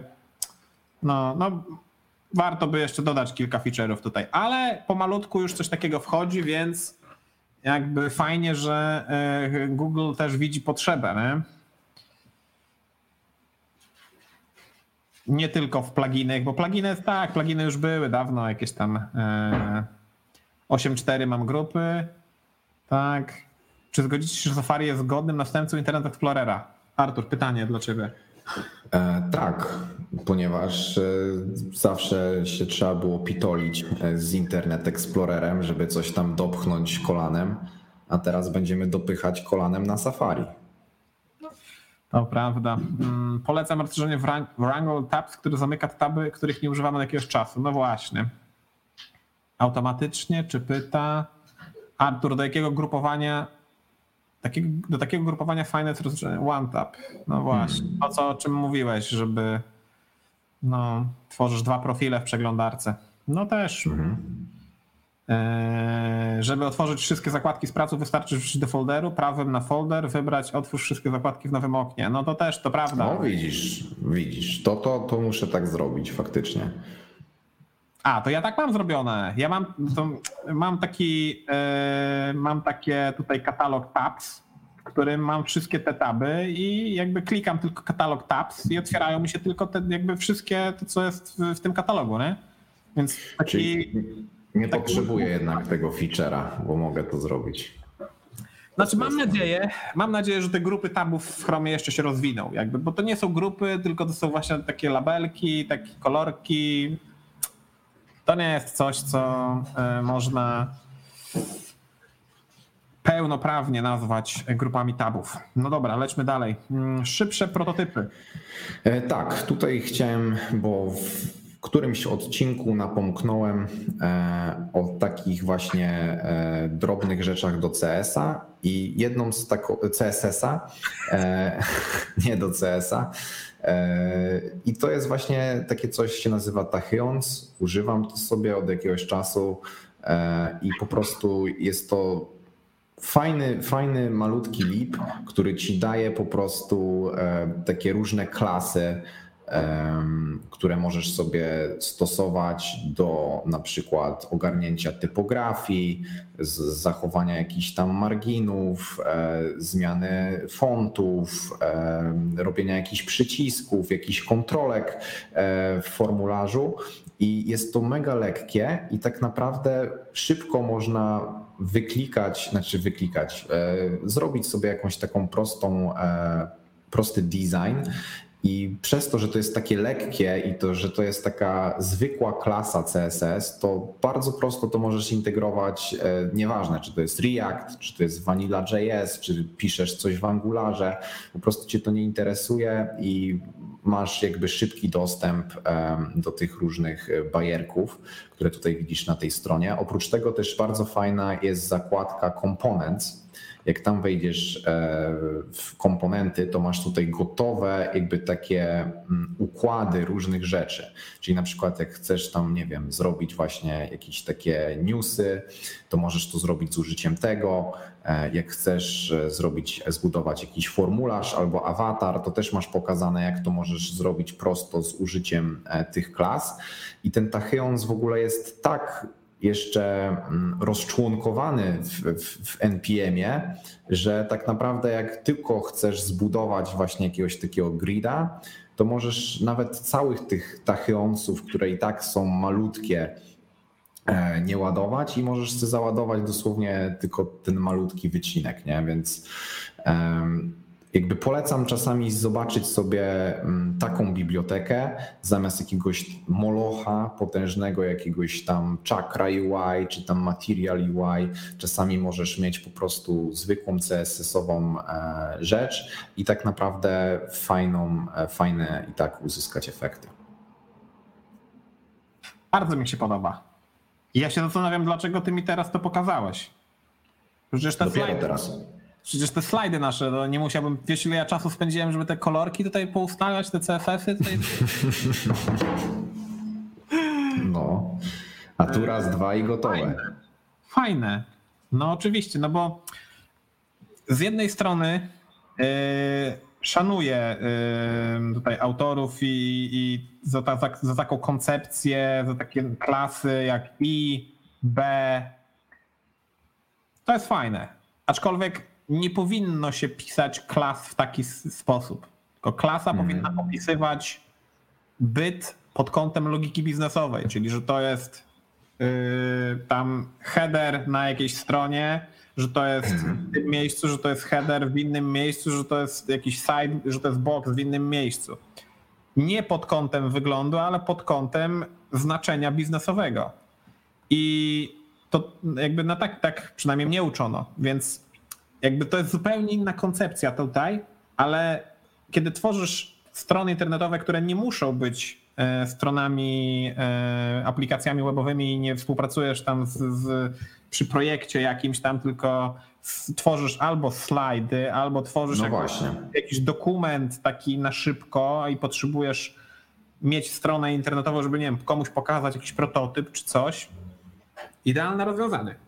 Mhm. Tak. Zwłasz, zwłaszcza, że tak, takie tachyjący albo ten właśnie Tailwind CSS, który też teraz jest mega popularny, jak zrobisz dosłownie kilka takich prezentacji albo nie wiem, kilka takich prostych stronek z użyciem tego podejścia, e, to nagle po prostu masz w pamięci nazwy tych klas i po prostu momentalnie przestajesz pisać dużo CSS-a, tylko łączysz ze sobą te różne klasy, które znasz opakowujesz je w jakieś wrapery i tak dalej i możesz naprawdę mega przyspieszyć swoją pracę e, po prostu z, z UI-em.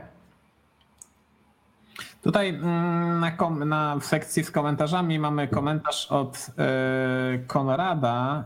Gdzie ten komentarz jest? Czy znamy, czy ty Artur znasz Tachyons Pro?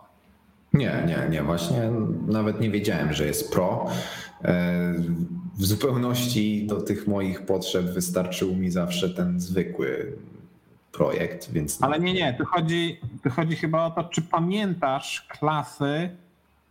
A, okej, okay. to jest jakiś Czyli taki. Ty jesteś pro y, w takim. A, a, nie, nie, nie. Myślę, myślę że, że nie. Na pewno nie. Dużo, dużo właśnie korzystałem. Widzisz, ja, ja mam może złą metodę nauki, bo ja jakby zauważyłem to po sobie, że czasami mogę wejść tysiąc razy na jakąś stronę tylko po to, żeby coś skopiować za, zamiast jakby spróbować się skupić na tym i na przykład rozkminić, że tam wiesz, to, to jest na przykład e, line spacing, to na przykład będzie to tam ls myślnik coś tam, tak? I, i tutaj jakby jakieś tam z szerokością rzeczy pamiętam, z paddingiem pamiętam, ale tutaj opacity na przykład nie. Hate też bym nie, nie, nie podał, nie? Więc muszę poćwiczyć nad tym więcej. Nic nie umiem.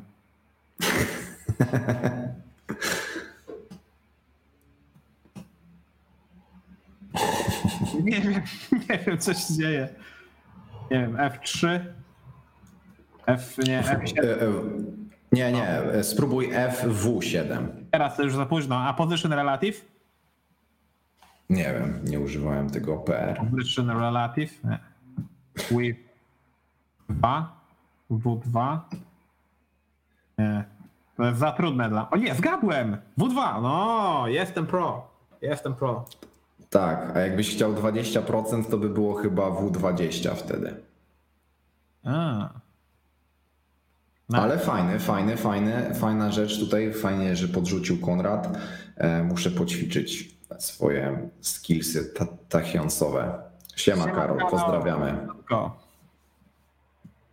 No fajny, fajny pomysł. Bardzo mi się podoba. E, no i przechodzimy do kolejnej porady. Tak. Ostatnio mam taki rytuał, że rano sobie wchodzę na tą stronę, o. E, bo po prostu od jakiegoś czasu E, nie wiem, mam ten rytuał, kurde, od chyba, nie wiem, soboty może, czy tam coś, e, ale generalnie nie używam Next.jsa obecnie na jakimś takim projekcie, ale im bardziej obserwuję ten projekt, im więcej jakby, nie wiem, rozmawiam o nim, oglądam coś na YouTubie, to teraz na pewno gdybym miał zrobić od podstaw coś generowanego e, statycznie, to na pewno zrobiłbym to w Next.jsie i po prostu lubię sobie patrzeć na te snippety, e, bo nie są takie trywialne i e, codziennie się pojawia coś nowego, możesz sobie przeczytać. Zajmuje to chwilkę. Jeżeli ktoś jest zainteresowany Next.jsem, to myślę, że bardzo fajne miejsce.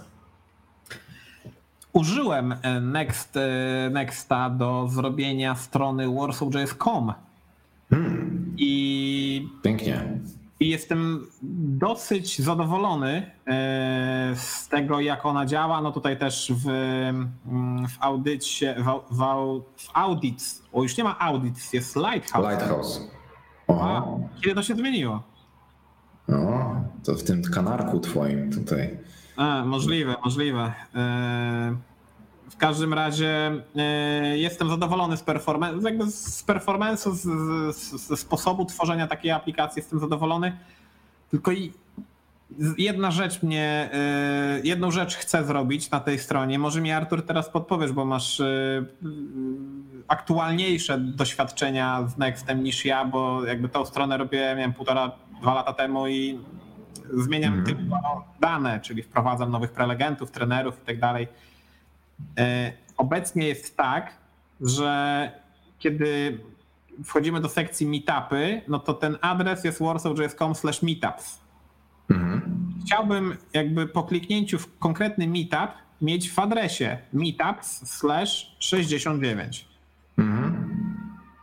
Tak, ja to... Muszę, czy ja muszę stworzyć własny serwer jakby własny skrypt ten serwerowy, który mi będzie serwował dynamicznie, szczytywał dynamicznie argument z urla i wiesz, i wrzucał dalej do widoku, czy da się to jakoś automatycznie zrobić, bo ja używam jeszcze wersji siódemki Nexta. Nie, da się, masz, masz API w, w, od, od, od jakiejś, nie pamiętam której wersji, ale to wbrew pozorom chyba dosyć niedawno dali coś takiego, że możesz generować właśnie takie strony w taki sposób, że dajesz zakres ID-ków, jakie istnieją w momencie budowania, nie? Odpytujesz sobie na przykład jakieś API i wiesz, że masz na przykład 20 e, meetupów, i e, one mają ID tam, nie wiem, 1, tam 10, 11 i tak dalej.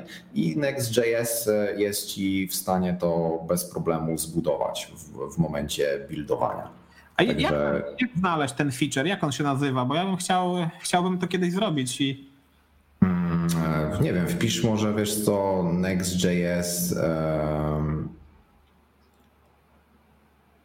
subpage by ID, coś takiego. Nie wiem, jakbym to tu może coś jest podobnego, tu jakiś. No tu jest właśnie był. przykład w Expressie, jak już samemu zrobić e, response, e, jak zasymulować, jak mm, no, stworzyć customowy response, tak, że tutaj coś trzeba pobrać jakieś dane, walidacja i tak dalej, i tak dalej. No to ja bym nie chciał tego pisać. Nie chciałbym, wiesz, jakby strona bez żadnej logiki i chciałbym, żeby tak zostało.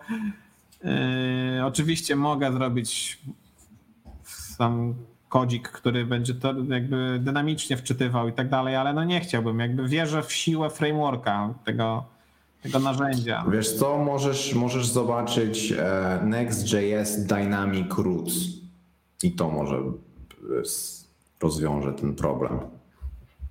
Aha, czyli to jest nawet to, na, na, czym, na czym teraz jestem.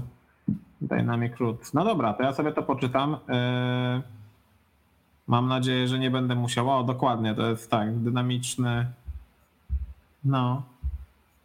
No właśnie, bo przecież posty, tak samo posty się generują, slagują się, jakbyśmy używali Nesta, Nexta do y, bloga. No to w adresie mamy slagowany tytuł bloga, tytuł posta. Więc to też jest taka dynamiczna treść, więc tak. no nie wydaje mi się, że trzeba by było, że trzeba tworzyć własny mm, skrypt do wiesz, do odczytywania tego slaga, sprawdzanie tego w backendzie, właśnie sprawdzenie tego gdzieś i zaserwowanie odpowiedniego widoku z danymi. Hmm, nie, myślę, że to możesz zrobić na pewno prosto. Um, więc nie, na, na pewno gdzieś coś takiego widziałem. Um, gdzieś mi się właśnie obiło o oczy takie API, że, że najpierw musisz jakby zgromadzić sobie listę wszystkich ID-ków, które mogą wystąpić. E, później sobie robisz jakieś zapytanko jednozbiorcze, żeby wyciągnąć te rzeczy i Next ci to generuje. Także myślę, myślę, że jest to do ogarnięcia.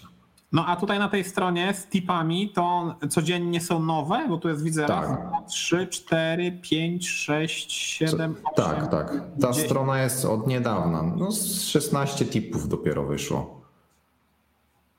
A, codziennie jest jeden dodawany, okej, okay, bo ja myślałem, tak, okay. tak, tak, tak, tak, tak, tak.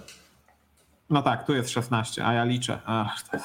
No to jest właśnie to, jak, jak nie masz tu, mama mi mówiła zawsze, Piotruś, pamiętaj, jak nie będziesz miał w głowie, to będziesz musiał. No i tak to jest. E, są jakieś komentarze może? Są, są. Artur, czemu Next, a nie Gatsby? No i się zaczyna. nie wiem, jakoś tak yy, Gatsby troszeczkę wkurzył mnie parę razy w moim życiu programistycznym. I nie wiem, może to jest kwestia, że właśnie nic nie robiłem tak dłużej w tym Next.js i po prostu wiesz, jak to jest, że u, u sąsiada trawa jest bardziej zielona. No. I, I, może to jest e, tego typu kwestia. E, no, Next.js bardzo fajnie się rozwija, tak? Teraz ta firma Zeit e, dostała w kolejną rundę dofinansowania, chyba zmienili nazwę nawet z Zeit na Vercel, pisane przez V. To już nie ma teraz Zeitna, O ja, no. faktyczny. Tak, i ogólnie ta platforma now.sh jest po prostu zajebista, jeżeli chodzi o jakby deployowanie serverlessowych funkcji albo wrzucanie czegoś w sposób statyczny, podpinanie domen. Po prostu działa to pięknie i podoba mi się ten ekosystem i jakoś za bardzo nie wiem, czemu mi się bardziej podoba niż ekosystem Gatsby'ego. Gatsby mam wrażenie jakoś tak, nie wiem, jest po prostu Gatsbym, a, a, Next, a Next.js jakoś mi się tak fajniej kojarzy właśnie przez tą usługę na OSH. Ciężko mi to wytłumaczyć.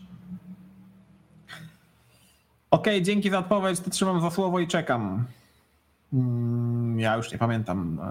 E, to było chyba do Tomasza odnośnie aha, książki. Aha, okay. Tu o tym masz. Next.js jest bardziej sfokusowany na server-side rendering, a feature server-side G, nie wiem co to jest SSG. SSG. Static generate. Aha, static, static generator. Chyba to jest. Gdzie jest. Aha, czyli, czyli że po prostu masz. Że masz taką jakby, nie wiem, hybrydę, tak? Że masz też część tak. stron dynamicznych, część masz e, generowanych. Chyba o to chodziło.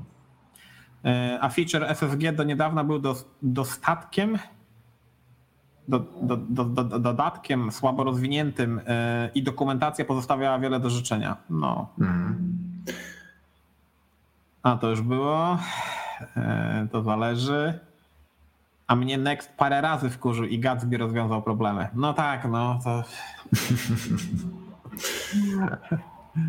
Oj, nie ma idealnych rozwiązań.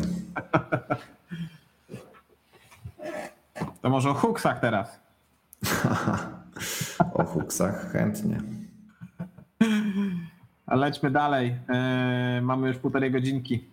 A to w porządku. Dobrze jest z czasem. wzornik fabrykowy.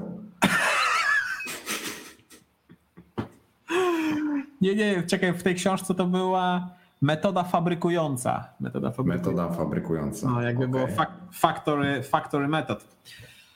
Yy, chciałem poruszyć delikatnie taki, yy, taki wzorzec projektowy, jakim jest factory, czyli fabryka.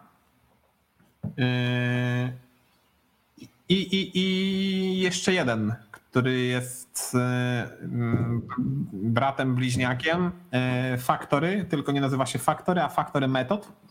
I w tej części właśnie takiej jesteśmy teraz związanej takiej troszeczkę z, z, z językiem, ale myślę, że warto, żebyście widzowie i słuchacze też czasami poza jakimiś newsami posłuchali o wzorcach. I dlaczego o wzorcach? Otóż no wzorce każdemu ułatwiają pracę, a jeśli się je zna, to jeszcze szybciej, to jeszcze bardziej ułatwiają. I dzisiaj na live, na Instagramie na 18 mówiłem, dałem taki przykład, że też właśnie faktory, że faktory super pomaga w testach.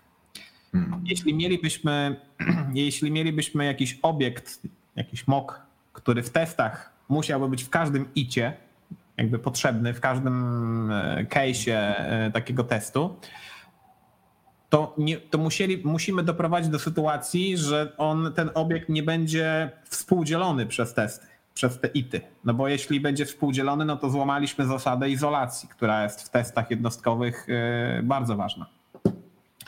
Więc wtedy wykorzystujemy wzorzec factory ja tutaj myślę, że na szybkości, jak coś napiszę, to e, nie będzie problem.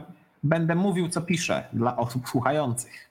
Mhm. Tworzę zwykłą funkcję. E, funkcję function declaration, create, o czym dzisiaj rozmawialiśmy, game.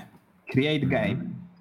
I taka funkcja w środeczku będzie zwracała nowy obiekt gry, który będzie e, literałem obiektu z właściwościami gra ma swoją nazwę i to będzie Unreal Tournament. No to się teraz wziąłem za nazwę. Tournament 5? Nie, czy, mm. czy, to, czy nie ma wersji? Nie, nie ma wersji. No dobra, nie ma wersji. E, name, name to była price. jakaś 2000 czy coś, ale nieważne. nieważne. No. I drugi klucz takiego obiektu to price, cena, e, nie wiem, e, tysiąc jakichś tam jednostek.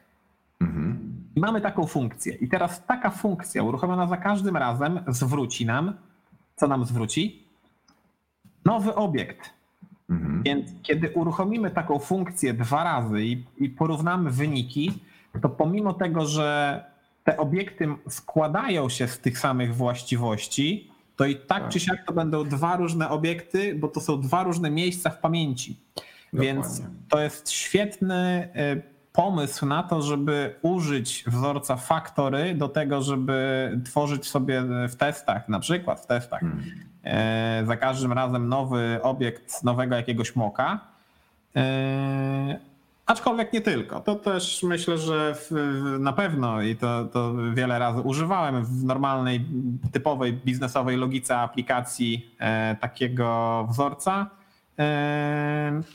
No ale o tym na pewno dłużej, więcej będę mógł powiedzieć, e, jak na pewno e, jakby znajdzie się na to czas, że tak powiem, na szkoleniu, które, mm, które organizuje, organizujemy jako Warsaw.js e, za dwa tygodnie, za półtora tygodnia i jest to szkolenie o wzorcach projektowych, także jeśli jesteście zainteresowani, to, to wpadajcie, rejestracja już się rozpoczęła, zostało jeszcze trochę biletów, więc Myślę, że e, to o wzorcu faktory tyle.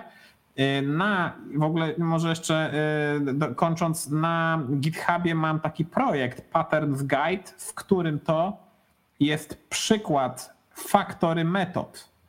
Czyli to jest troszeczkę coś innego niż zwykła faktory, funkcja, bo faktory metod to jest funkcja, która jest metodą w obiekcie, w klasie. Nie? Czyli e, mamy jakąś klasę i teraz możemy sobie stworzyć e, funkcję, w której to będziemy z użyciem operatora new tworzyli instancję takiej klasy. E, to jest bardzo fajny koncept, jakby używany może być na różne sposoby. Mm, są takie są takie sytuacje, w których mm, nie możemy używać operatora new albo jakby nie chcemy go używać. Jednym z takich sytuacji jest wzorzec dependency injection, w którym to potrzebny jest kontener zależności i ten mechanizm dependency injection automatycznie tworzy instancję obiektu na podstawie jakiejś klasy, e, jeśli zażyczymy sobie tego. Więc my tylko prosimy kontener nowy obiekt, a jakby o obiekt hmm. instancji klasy, a on już sam wewnętrznie albo tworzy instancję, albo jej nie tworzy, tylko używa już istniejącej. Więc wtedy my jawnie nie używamy operatora new do tworzenia nowego obiektu. I tutaj z takim factory pattern, mm, factory metod możemy, możecie zobaczyć, że e, mamy klasę z metodą i teraz jak chcemy stworzyć instancję takiej mm, jakby klasy. Tutaj akurat jest inna klasa, która jest z zewnątrz tworzona. Tworzona jest instancja klasy komputer e, przez klasę komputer factory.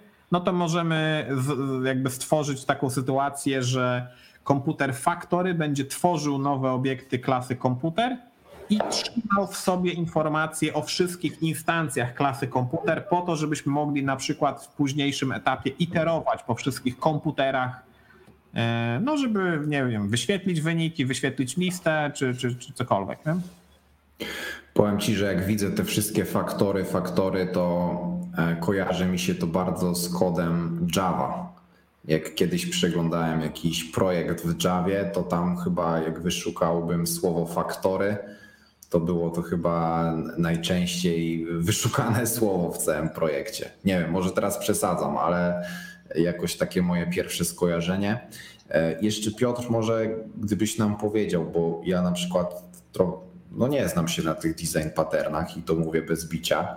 E, zaniedbałem bardzo mocno tą gałąź rozwoju, e, więc gdybyś na przykład miał polecić jakieś coś, jak to najlepiej ogarnąć, gdzie to poszukać, w jakiej książce, czy nie wiem, jaki artykuł, jak, jak, jak to wygląda z twojej strony?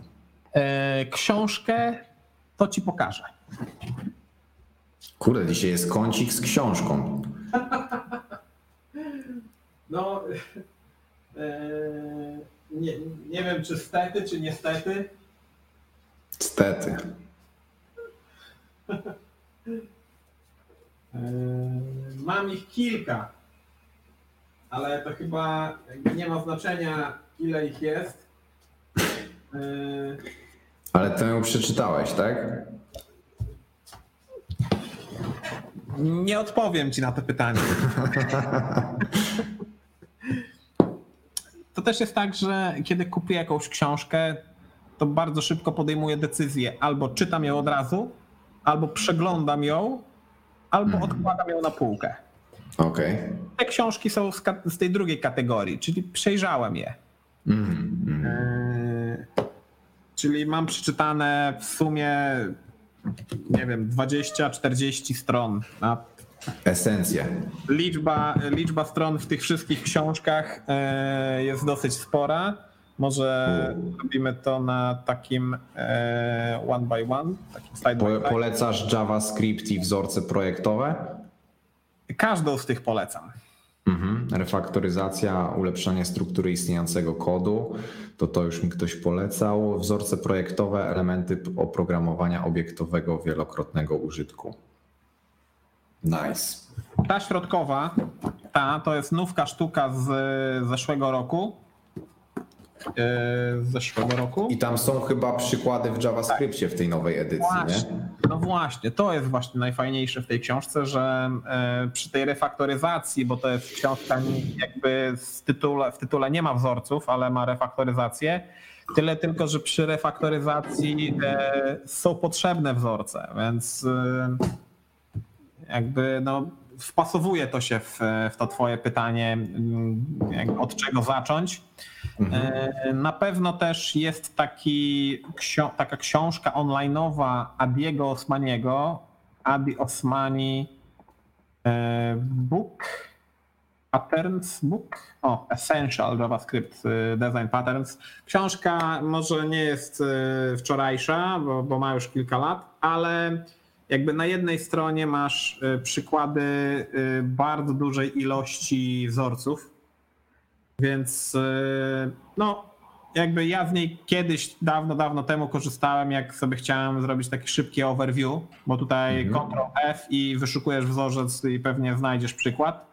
E, Konstruktor, czy jest konstruktor? No jest konstruktor pattern i, i e, jest przykładzik. O, tak, tak nie róbcie, nie oczek. I to jest też taki, taka pozycja, w której to, od której to można też jakby zacząć tą przygodę z wzorcami projektowymi. No a najlepiej to po prostu czytać, czytać, w sensie czytać, praktykować, czyli y, znaleźć jakiś wzorzec po kolei, czy, czy w tej książce, czy w tamtej książce i jakby praktykować na jakimś kodzie, konkretnym kodzie, nie? Mhm. Czyli polecamy adiosmani.com dla naszych słuchających. E, Obczajcie sobie tą książkę i oczywiście repozytorium Piotra, gdzie się znajdują też przykłady. Tak, ja, ja na swojej stronie mam jeszcze taką sekcję e, szkolenia, gdzie mam takie właśnie wypisane różne e, typy szkoleń, mm, które robiłem mm, i, i w których jestem trak, w trakcie jakby przygotowywania materiału. E, No to wzorce projektowe już e, miałem tą przyjemność realizować kilka razy, w sensie szkolenie z, tego tematu i mam tutaj takie typy wzorców, które, koncepcji, które na szkoleniach poruszam albo poruszałem jakby i, i tutaj na tym szkoleniu, które będzie za półtora tygodnia wybrałem kilka e, najpopularniej, jakby najbardziej wartościowych według mojej opinii. E, będzie faktory, będzie builder, będzie mm, fasada, proxy, obserwa- obserwator, strategia. To są takie wzorce, które jakby no bardzo ułatwiają, bardzo ułatwiają. Można, to jest też tak jak z angielskim, nie wiem Artur, jak tam stoisz z rozróżnianiem typu, rozróżnianiem czasów w angielskim, e, bo ludzie się dzielą na tych, którzy w ogóle nie, nie ogarniają czasu, tak jak ja, i na tych, którzy znają te czasy, wiedzą kiedy ich użyć, ale nie pamiętają ich nazw, na, i, na, i na takich, którzy znają te nazwy. Ja absolutnie nazw nie znam i nie wiem kiedy ich używać. I można nie pamiętać wzorca pod kątem definicji, pod kątem nazwy, ale wiedzieć, jak go użyć, na przykład tego z tej strategii, czy, czy faktorii, czy fabryki. Nie? Mhm. I to też jest dobrze. Jakby no, ni- nikt z nas nie musi uczyć innych e, wzorców, czy, czy po prostu e, definiować, opisywać, defini- e, tworzyć definicji dla tych wzorców, ale żeby ich używać. Nie? Mo- Możesz używać sobie wzorca i wcale nie jest wymagane od ciebie jakby znajomość jego historii, przypadków użycia i tak dalej. Tak, tak, tak. To prawda. Ja kiedyś właśnie jakby dowiedziałem się, że użyłem wzorca dependency injection, jakby nie wiedząc, że to je, jest ten wzorzec, tak? Po prostu tam miałem jakąś klasę i sobie tam do niej wrzucałem inny jakiś tam obiekt, który po prostu wykonywał e, jakąś tam wycinek pracy, nazwijmy to w kodzie. I, I później faktycznie jak zobaczyłem, no to wyglądało to mniej więcej albo dokładnie jak dependency injection. No to prawda, to prawda. E, I to jest najfajniejsze. Ja też kiedyś jakiś tam koncept flag, feature flag wymyśl, nie, wymyśliłem, no bo nie wymyśliłem ja, tylko użyłem takiego konceptu, a mhm. ja się dowiedziałem, że on został od, wymyślony, nazwany w 75. o, dokładnie, dokładnie. E, siema, siema Filip. Ta na dole to chyba klasyk gangu czterech. E, ta na dole. No tak, tak, tak. Czyli właśnie, przeczytajmy, bo to. Mm, gang, gang czterech to tam Martin Fowler, tak? Nie, jakby zależy której czwórki, bo taka pierwotna czwórka to jest Eric Gamma, Rich, e, Richard Helm, Ralph Johnson i John Vliesides. Vliesides. Mhm. E, to jest fioletowa, taka mniej więcej kolorystyczna okładeczka, pasująca do naszej identyfikacji wizualnej e, fioletowy kolor, fullstackowy.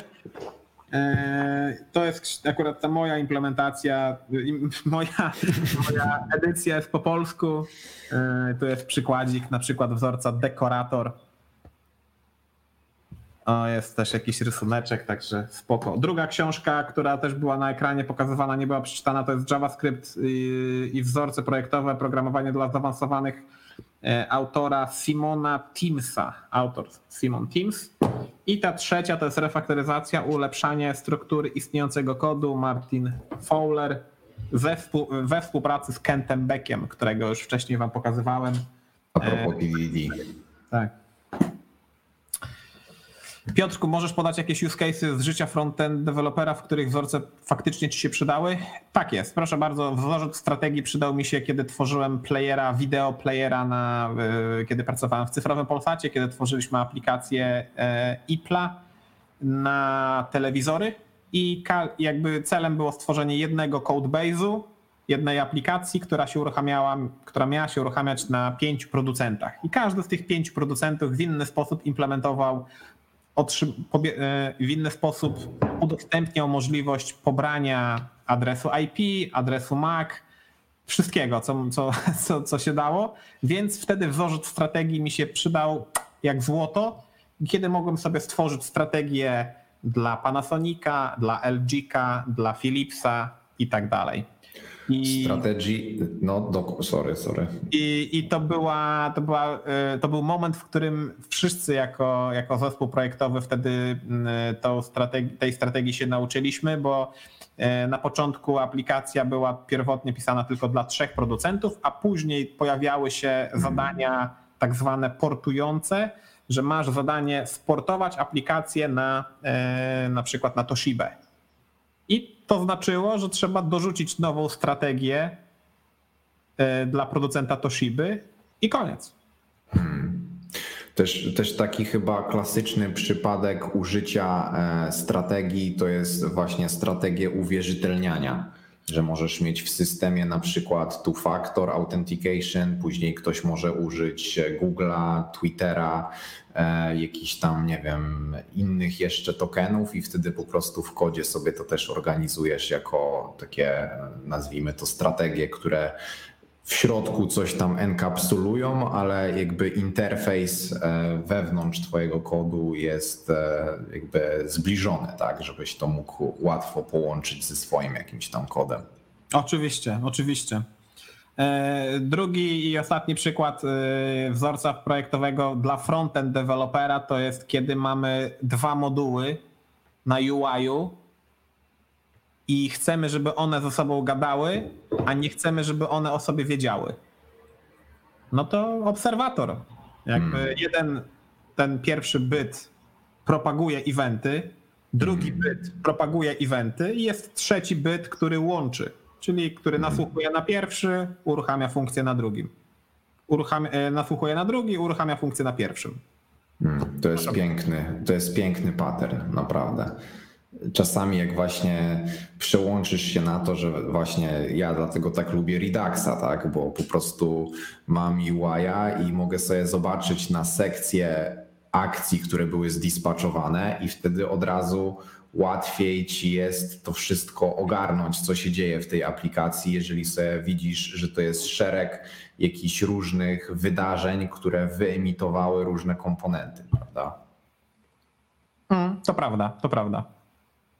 No, w, w, w, środowisku, w ekosystemie reaktowym jest sporo wzorców i e, one może nie są jakby dla początkujących widoczne, nazywane i tak dalej, ale e, sam single source of truth czy e, pure functions to są, mm. piękne koncepty, które no, na pewnym etapie zaczynają właśnie być bardziej widoczne dla nas, a a później już po prostu wchodzą w krew i, i człowiek o nich zapomina, jakby, że to jest mhm. koncept mm -hmm. przecież, że to, jest, mm -hmm. że, to, że to są jakieś zasady, tak, reducery mają zasady. Mm. No. E, Konrad rzucił pytanki, nie, e, Singleton w życiu przydał się, żeby pokazać, żeby go nie używać. No, ciekawe bardzo, bo jakby singleton e, w moim życiu pojawił się na początku mojej kariery, kiedy byłem jeszcze full stackowcem, czyli web developerem, jak to właśnie moje stanowisko wtedy wyglądało, że komunikowałem się z bazą danych, a, a jakby ko, ko połączenie do bazy danych w, w trakcie runtime'u backendu jakby może być zrobione tylko raz. Nie trzeba się łączyć do bazy danych przy każdym, chyba nawet znaczy, nie powinno być zrobione raz. E,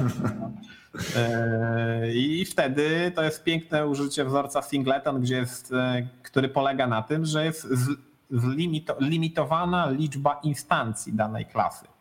E, tym samym, jeśli chodzi o bazę danych, no to my korzystaliśmy z jednej bazy danych, więc mieliśmy jedną instancję, connect, jakby drivera do, do tej bazy danych. No i kiedy chciał request jakby trafić do bazy danych, zapytać się jej o coś tam, no to korzystał z tej jednej instancji i that's it. Oczywiście, kiedy pojawił się jakiś problem typu wiem, connection refused czy coś, no to ta instancja mogła być wznowiona, jakby zbudowana raz jeszcze, jakiś tam reconnectem czy coś takiego. Tak, tak. No. Ale singleton to właśnie to jest taki chyba klasyk, że jest zwykle stosowany właśnie do jakichś takich klientów, których odpalanie jest kosztowne, tak? E, czyli właśnie baza danych, jakieś nasłuchiwanie, co się dzieje na jakimś sokecie albo porcie, to też często jest singleton. I, i kiedy jeszcze? I chyba to, co wspomniałeś, czy nie wspomniałeś, konfiguracja, tak? Czyli, czyli po prostu przechowywanie jakichś, jakichś po prostu obiektów konfiguracyjnych, nie? No, do konfiguracji można znaleźć kilka e, różnych wzorców. Może być też dependency injection, żeby wstrzykiwać konfigurację. Tak, tak, tak, tak, tak. Racja. Mm, jakby to nie jest nigdzie powiedziane, w jaki sposób, w jaki sposób tak, jest tak. najlepszy. Nie? To up to you. Mm, lećmy dalej. Już jest dwie godziny, Artur. Zaraz sięgniemy limitu, a jeszcze mamy kilka slajdów. Tak, tutaj podrzuciłem temat do Let's Talk.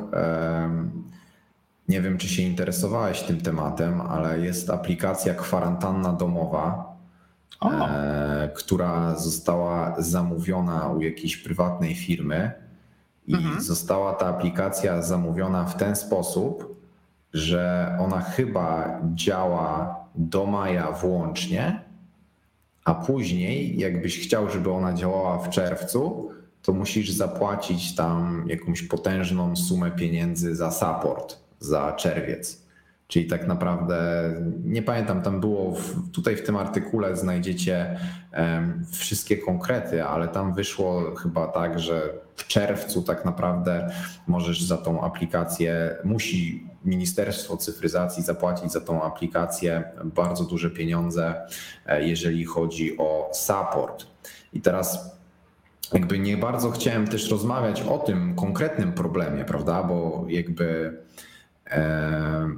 Tutaj wiadomo, pewnie tutaj jest dużo czynników, których teraz nie rozwiążemy w takiej krótkiej dyskusji, dlaczego to się tak stało, dlaczego się nie stało lepiej i tak dalej, ale bardziej chodzi mi o taką rozmowę może o tym, e, czy państwo jakby widzisz, czy widzisz na przykład szansę na to, żeby państwo nauczyło się korzystać mądrze z open source'a. Czyli na przykład, żeby zlecali na przykład jakieś projekty, w które z góry by było założone, że jeżeli tworzysz jakąś apkę i ona jest robiona z naszych pieniędzy podatników, to ona musi być na przykład open source'owa.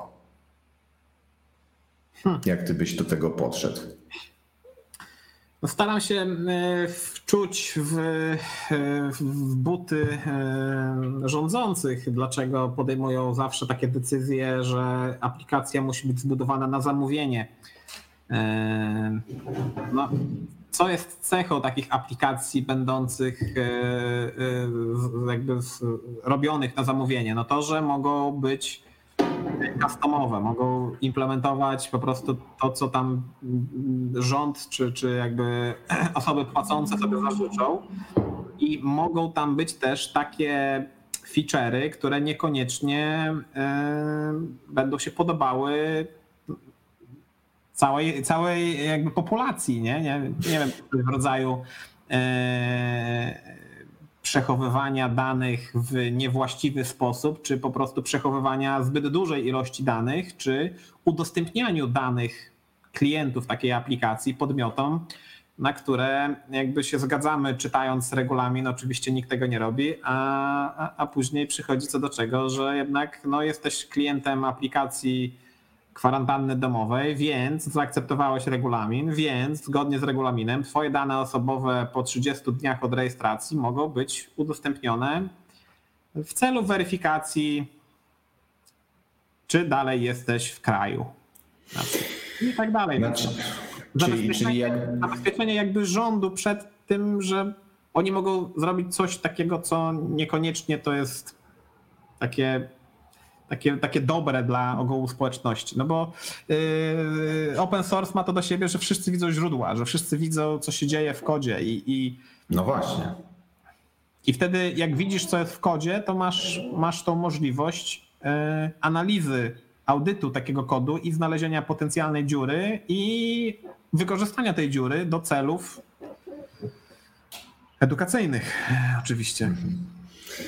Nie, no wiesz, jakby tutaj chodzi o to, że jak masz zamknięte źródło, to też ktoś może znaleźć lukę i nikt nawet o tym nigdy się nie dowie, tak? Tutaj bardziej e, chodzi mi o jakby właśnie ja na przykład, jak myśl, zastanawiałem się o tym, nad tym, a zastanawiałem się nad tym bardzo często, że właśnie nie rozumiem tego, dlaczego za rządowe pieniądze, jeżeli są zamawiane jakieś oprogramowania, to czemu one nie są open source.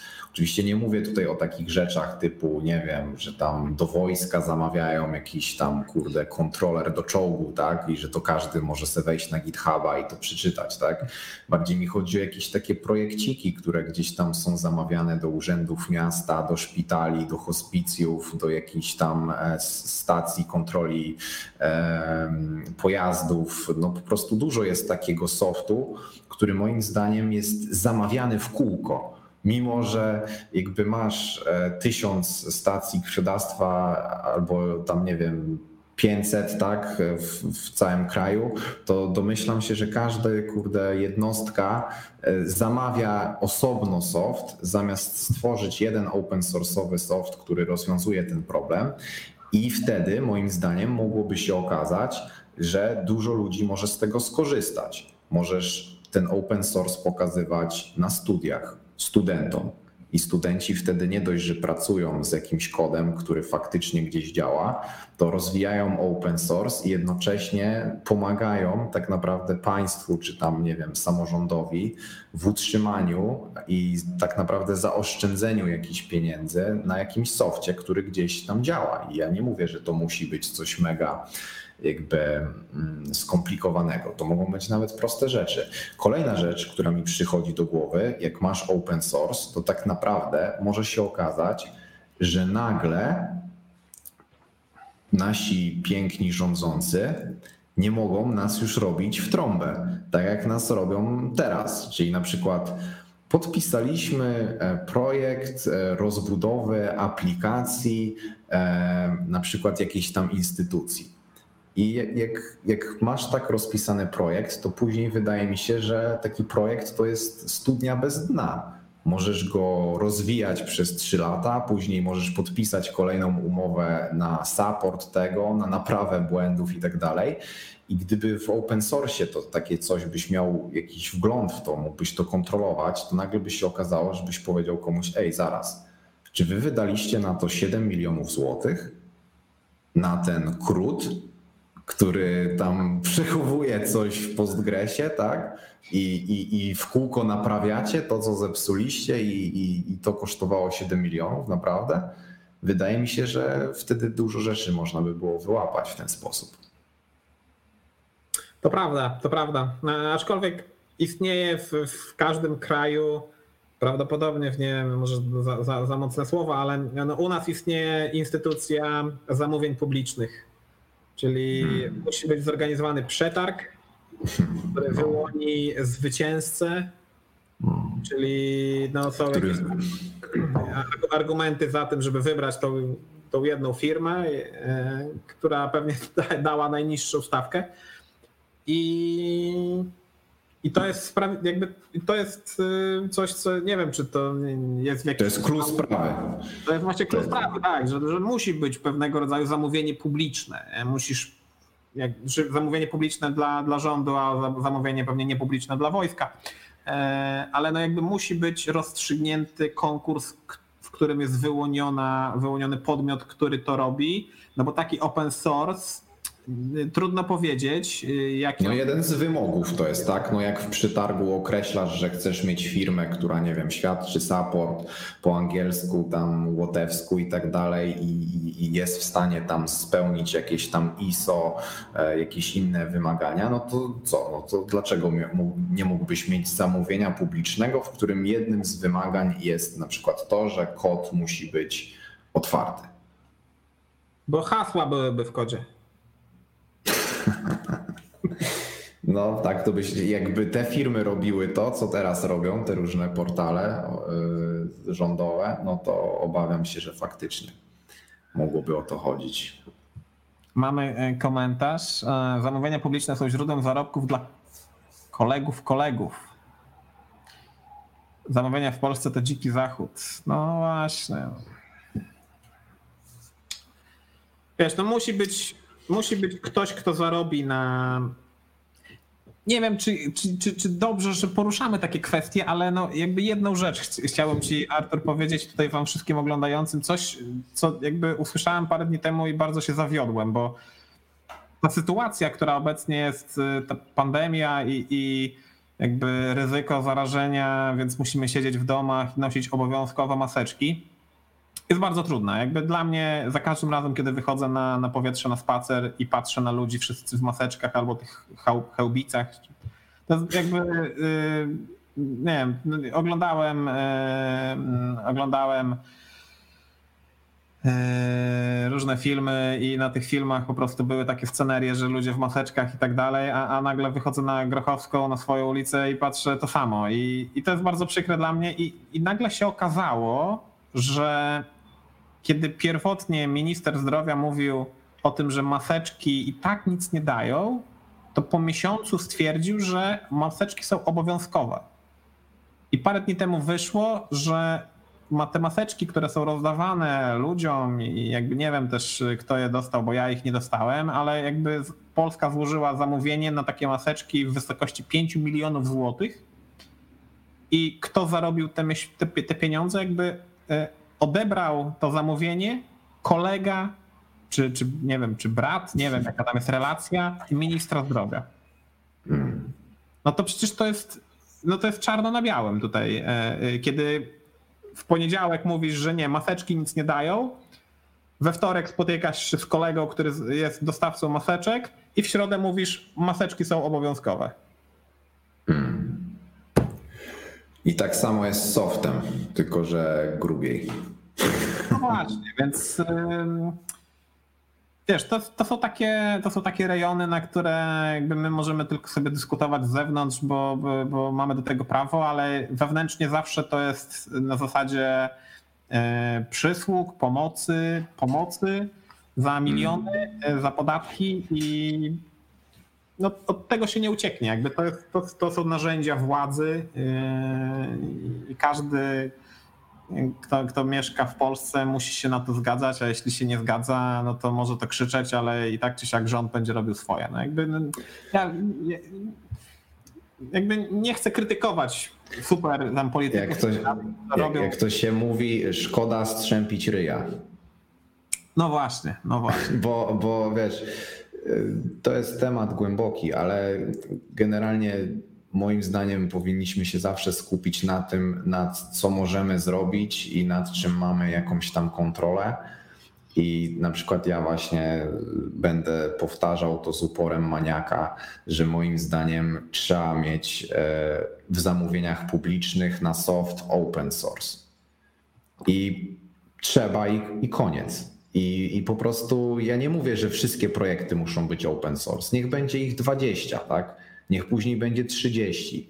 Niech jacyś studenci będą pracować nad faktycznie otwartym kodem, e, na przykład programu, który działa w ich województwie albo w ich mieście.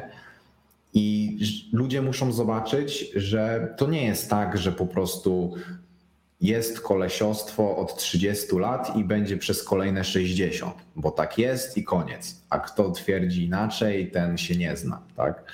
Po prostu, no, moim zdaniem trzeba próbować i, i, i drążyć e, kropelką w tej skale. No i tyle. Eee, zamówienia publiczne to publiczny kod. No właśnie, bardzo dobrze. Przyłbica, nie chałubica, warto wygooglać. Dzięki, dzięki Konrad. Ja nie, nie, używam, nie wiedziałem jak to tam dokładnie się nazywa. Mm, no co myślicie o platformie, która będzie pośredniczyła we wnioskowaniu o informację publiczną?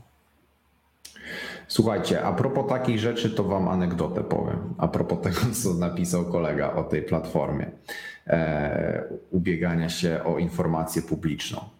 W Szczecinie, w moim rodzinnym mieście, kiedyś zostało otwarte API zamówień właśnie takich realizowanych przez miasto. I mogłeś sobie wejść na portal, który napisał taki programista ze Szczecina, który konsumował to API bo oczywiście jakby urząd zrobił to API w taki sposób, że ciężko było z niego skorzystać, ale e, tam ten gościu zrobił po prostu normalną, fajną apkę, tam chyba w Angularze czy czymś, które komunikowała się z tym API i mogłeś na przykład wejść i zobaczyć, na co Urząd Miasta ostatnio wydał pieniądze. I okazało się, że na przykład urząd non-stop zamawia jakieś takie w mieście, jakieś takie różne ekspertyzy. Na przykład chcesz pomalować ścianę w kościele, no to ktoś tam musi wydać po prostu jakąś ekspertyzę, jaki to musi być kolor i tak dalej. I ja kiedyś z ciekawości sobie przyjrzałem te zamówienia publiczne i się okazało, że bardzo dużo rzeczy robi jedna albo dwie, albo trzy firmy, jakimś fartem. Po prostu wszystko to realizuje tam jakiś architekt, nie? Jeden. Ja się tak zastanawiałem, no Boże, no przecież w Szczecinie jest chyba, nie wiem, z 500 albo i więcej architektów, którzy mogliby to zrobić i dlaczego tutaj akurat ten jeden mistrzunio musi robić wszystko, nie? I Później dużo ludzi zaczęło korzystać z tej apki i zgłaszać różne nieprawidłowości, ceny, na przykład jakieś różne rzeczy. I skończyło się to tak, że urząd zmienił w API, dodał nowego feature'a do tego otwartego API, że niektóre dane, jak sobie w nie wchodziłeś, to nie mogłeś zobaczyć, kto to zrobił, bo było napisane animizacja danych.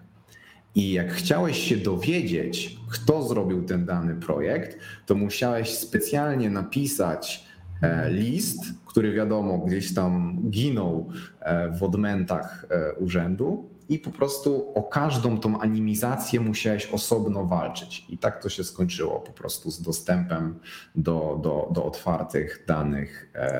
I na, teraz nawet nie wiem, jak ta sprawa się skończyła, czy, czy to dalej tak jest, czy nie, ale generalnie bardzo się zawiodłem wtedy, bo myślałem, że, że to po prostu powinno tak działać i że może to tak działać, ale okazało się, że po prostu jakby rządzący zaśmiali się wszystkim w twarz i nikt, żadne media, żaden dziennikarz, no jakby jakoś nie poruszył szerzej tej sprawy. Myślę, że taka sytuacja często się e, powtarza, e, kiedy na początku jest publicznie pokazane, że rząd wychodzi, jakby miasto wychodzi naprzeciw a e, oczekiwaniom i publikuje pewne dane, a później, kiedy ktoś wykorzystuje te dane jakby w sposób nie, nie, nie jakby niewłaściwy dla e, organu, który upublicznił takie dane, no to zaczyna się wycofywanie. Nie? No, krok po kroku, klucz po kluczu w JSONie i aż do momentu, kiedy żeby się, żeby odczytać publiczne dane, no to stwórz konto, no i, i tak dalej. No. Hmm. Pewnie o takiej polityce też moglibyśmy zrobić jakiś tam oddzielny artykuł, e, oddzielny, e, oddzielny live'ik. No to na pewno. Yy, lećmy dalej z tematami, bo jest godzina 2.20, 2.12. Tak, lecimy, lecimy. A będzie jeszcze blok pytań, także słuchajcie, widzowie oglądający nas, zadawajcie pytanka, bo jeszcze będziemy mogli w razie czego na coś odpowiedzieć. Mamy Make My Day sekcję. Hmm. To ja może podejmę się transkrypcji obrazka dla tych ludzi, którzy nas e, słuchają teraz, e, znaczy nie oglądają nas live, tylko nas słuchają. Widzę tutaj obrazek e, z ludzi, ludzikami, którzy są w odległości od siebie półtora metra. Jest napisane, że to jest Social Distancing Guidelines i w przypadku naszej pięknej pandemii musimy zachować półtora metra, a w przypadku, gdy jeden z ludzików jest designerem, a drugi jest deweloperem, to trzeba zachować 100 metrów. I to jest. Jak, jaką ty masz relację z designerami? To jest tak, że, że, że, że czasami jakby, nie wiem, nie dogadujecie się, czy to jest taki mem, czy to jest, y, jest ziarenko prawdy w tym odwiecznym konflikcie developer-designer? Wiesz co, ja, ja, od początku swojej pracy zawodowej współpracowałem, współpracowałem z grafikami, z designerami, z UX de, de, deweloperami i nauczyłem się sporo.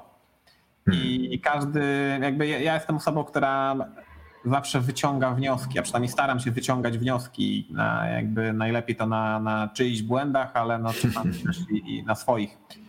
I, I teraz kiedy po tych e, kilkunastu latach pracy zawodowej e, otrzymuję od designera czy tam projekt graficzny, czy, czy makietę od UX dewelopera, to znajduję szereg tak zwanych edge case'ów, czyli sytuacji, w których e, nie, jakby albo grafik nie przewidział, albo UX designer nie chciał zrobić na przykład. Mm -hmm. Bo, bo mm -hmm. bardzo często sytuacja y, ma miejsce, kiedy tekst jest za długi i wtedy nie wiadomo, co, co, co, frontend, co, co ma się zadziać po stronie frontendu.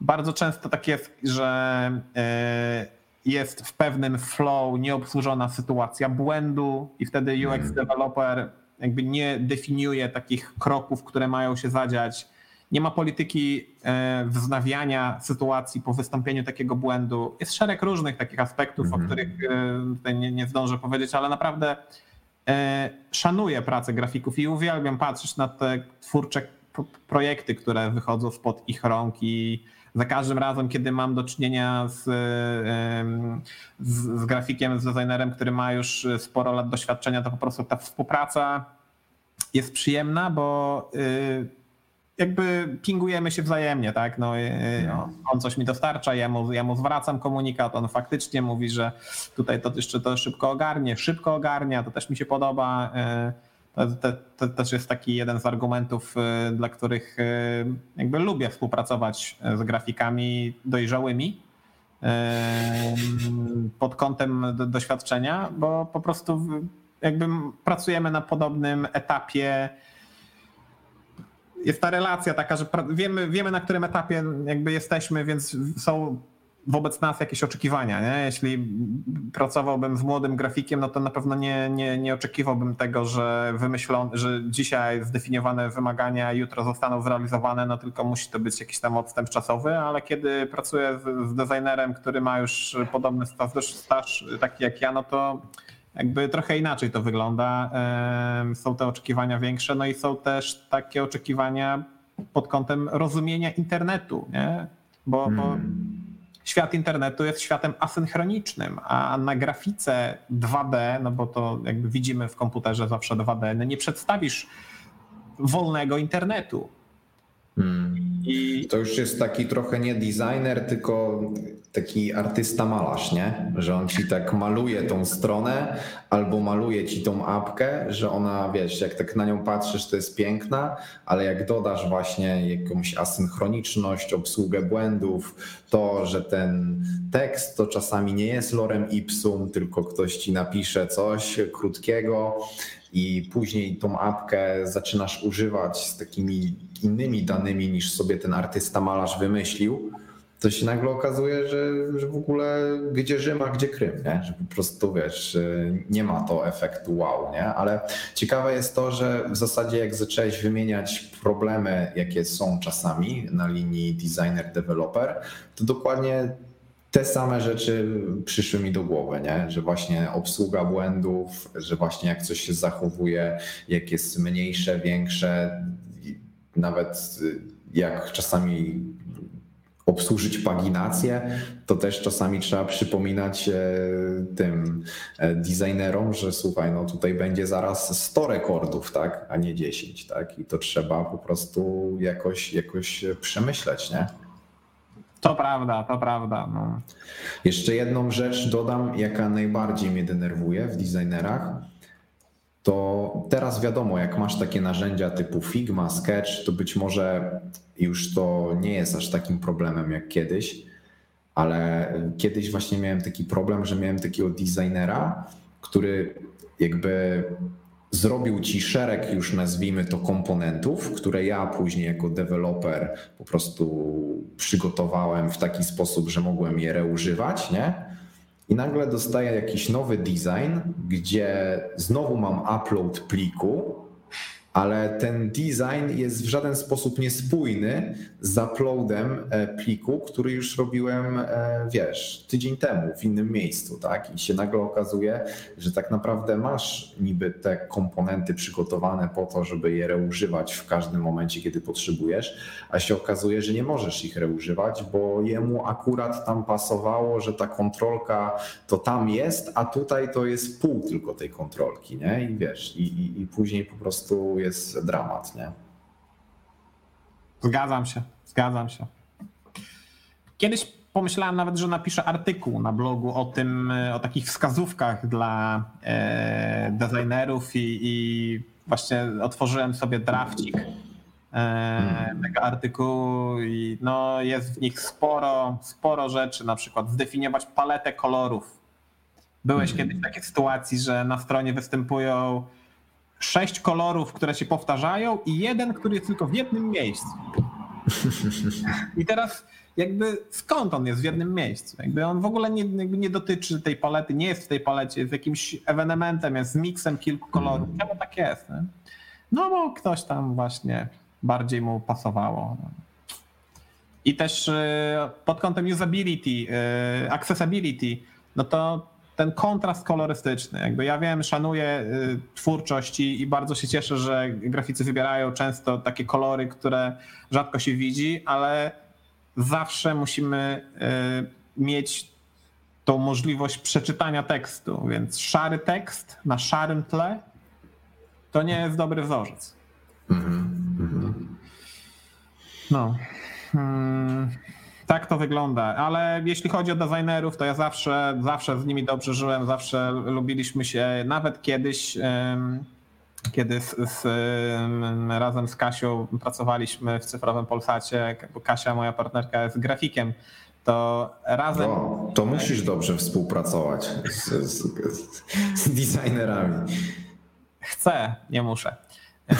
E, to kiedyś nawet e, jedliśmy wspólne śniadania. My, frontendowcy i e, zespół usability, zespół grafików po prostu. Mm-hmm. Było bardzo sympatyczne, jakby to też zacieśnianie relacji, no super sprawa.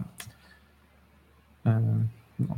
Obecnie. Nie, w ogóle za, zawsze też jest takie krzywdzące, jakby właśnie, nie wiem, zaognianie takich konfliktów, tam nie wiem, developer PM albo developer designer albo jakieś tam jeszcze inne rzeczy, bo tu przecież wiadomo, że ciężko jest porównywać różne sytuacje, prawda? Przecież są, tak jak mówisz, książkowe relacje, tak, że, że mogą się te zespoły dogadywać, zamiast ze sobą niepotrzebnie walczyć, edukować się wzajemnie, docierać, robić kolejne iteracje i po prostu pod koniec jest to książkowa współpraca, nie?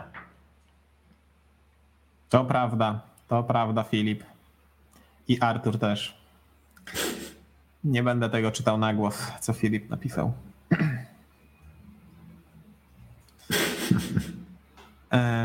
gorzej jak designer tworzy set, sketch strony pod jedną rozdzielczością i w dodatku jest pixel perfect nazistą. No to prawda, nazizm to jest po prostu zboczenie w jedną stronę e, i to też źle. Hmm. Trzeba zawsze znaleźć ten złoty środek, bo, bo, Pixel Perfect jest ważny, trzeba odwzorowywać projekt graficzny, ale no też e, jakby liczy się reużywalność komponentów i, i e, zasady, e, zasady mm, rytmu na stronie, żeby powtarzać pewne rzeczy, no i tak dalej, i tak dalej. E, Artur, minęło 2.23, co robimy dalej? Hmm. Co, spróbujemy, no jeżeli. A, bo mamy jeszcze nie, post niespodziankę. Właśnie, właśnie, to jest niespodzianka nasza dzisiaj. Słuchajcie. Mm, z uwagi na to, że mm, jesteście z nami i za, zawsze jesteście z nami w tak licznym, fajnym gronie. Bardzo się dziękujemy i bardzo się cieszymy. To yy, wpadliśmy na pomysł, żeby móc pomóc innym twórcom, yy, na przykład twórcom muzycznym. I ja tutaj chciałem dzisiaj na, na pierwszy ogień, że tak powiem, rzucić yy, utwór, który mi się bardzo podoba i który jakby jest e, realizowany, został zrealizowany przez e, no, niszowego twórcę, jakby chłopaka, który stworzył swój pierwszy taki kawałek, swój singiel. Tak, to chyba singiel mówisz, jakby nie, nie jestem hmm. dobry w nomenklaturze takiej muzycznej. E, ale jakby wiesz, każdy czasami tak ma, że czasami, czasami jakiś e, muzyka klasyczna, czasami techno, czasami rap. Nie wiem jak, e, jak ty, Artur, jakie masz doświadczenia z, z muzyką, czy, czy podczas kodowania słuchasz innej niż podczas, nie wiem, wracania, powrotu do domu, czy jak to u ciebie wygląda? Mm, wiesz co, y, tylko jeszcze powiem a propos tej piosenki, co tu przygotowałeś, że trochę Aha. mi się skojarzyłeś y, z Markiem Sierockim z Teleekspresu, czyli że będziemy mieli, wiesz, y, sekcję o programowaniu i tak dalej, a pod koniec będzie sekcja muzyczna. E, ale pomysł mi się podoba. Generalnie uważam, że trzeba właśnie wspierać takich młodych e, twórców i, i, jakby czasami e, spróbować nawet posłuchać takich mniej mainstreamowych rzeczy. A jeżeli chodzi o mnie i słuchanie muzyki w trakcie kodowania, to tak naprawdę ja mam tak, że jakby mam kilka rodzajów muzyki, której słucham, tak? I po prostu nie wiem od czego to zależy, ale po prostu nie wiem, w poniedziałek słucham tego, we wtorek słucham czego innego i tutaj akurat Spotify robi super robotę, bo masz te po prostu takie daily playlisty, które są pogrupowane, przynajmniej u mnie właśnie według takiego gatunku, nie? Czyli na przykład mam e, sekcję właśnie jakichś takich na przykład jakichś takich minimalowych house'ów i tam są takie, takie rzeczy, co czasami dobrze mi się przy tym koduje, a czasami właśnie zupełnie w inną stronę jakiś klasyczny rock e, i, i tam lata 80., 90. i czegoś takiego słucham, nie? I jakby nie przeszkadza mi to w kodowaniu. W kodowaniu jedyne co mi przeszkadza, to mimo, że lubię posłuchać polskiego rapu, właśnie na przykład jak nie wiem, jadę pociągiem z samochodem czy coś, to w trakcie kodowania jakoś mnie wkurza to, że tak muszę, nie wiem, wyłapywać ten polski język i, i, i jakby skupiać się że mózg jakby wiesz, stara się coś wyłapać z tego i to mnie akurat tak czasami trochę denerwuje przy, przy pracy, a tak to wszystko inne mogę słuchać. Jak najbardziej, ja mam bardzo podobnie. To, to właśnie jest y, tak zwany nastrój. W zależności od nastroju, taką muzykę, na taką muzykę masz ochotę. I jakby zgadzam się w 100%, jeśli chodzi o polski, polski, polski rap, czy w ogóle polskie, polskie utwory, e, utwory, w których jest e, narracja polska, bo stara się odczytywać te słowa i je jakby Kontekst jakiś tam. Dokładnie. Tak, no tak. i to wtedy przy programowaniu według mnie, jakby ja to też nie, jakby nie za bardzo mogę e, się skupić wtedy. Dlatego, tak jak tutaj może troszeczkę w polecanych widzicie, bardzo często u mnie się pojawia minimal techno, żeby wprowadzić, żeby podczas pracy deweloperskiej jakby trzymać ten rytm. E, na, trzymać na, napierdzielać. Dokładnie, a kiedy po prostu chciałbym e, chciałbym jakby posłuchać jakiejś muzyki, nie tylko techno, ale no jakby każdej innej, bo, bo i, e, i lubię i muzykę klasyczną, i rap, jakby e, no, pewnie znalazłyby się muzy- gatunki, których niekoniecznie jakiś tam heavy metal czy, czy disco polo, tak różnie. E, raczej nie, ale rap, a szczególnie, szczególnie polski rap, on jest taki szybki, jakby, czy Eminem ze swoimi, jakby kiedyś e, bardzo mi się to no to mi po prostu przypada do gustu. No i tutaj ten, ten chłopak Winyla Trzaski, jakby to jest kawałek, gdzie dawno, dawno nie miałem dreszczy na sobie, kiedy usłyszałem jakiś, jakiś, jakiś hicior, jakiś kawałek. No i e, tutaj, kiedy go usłyszałem e, za pierwszym razem, to jest fajnie, jakby fajnie jest, ciężko to określić, ale fajnie jest zrobiony. I nie chodzi mi już o samą oprawę graficzną teledysku, tylko chodzi o, o taki sposób e, tej historii, która jest opowiedziana i, i tak dalej. Więc jakby polecamy, ja polecam, nie wiem jak Artur, ale jakby ja polecam do, do do jakiejś takiej e, może porannej mm, rozgrzewki. E, wrzucić sobie winyla trzawki za szybami noc.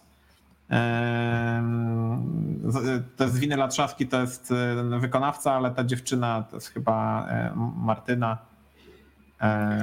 Jakby no, nie wiem, nie wiem jak to tam. W, podca- w podcaście będziecie mieli ten kawałek w outrze. Więc e, na, na, na, koniec nagrania będzie puszczony, każdy sobie będzie mógł przesłuchać i dajcie znać, co, co sądzicie o, o takim pomyśle.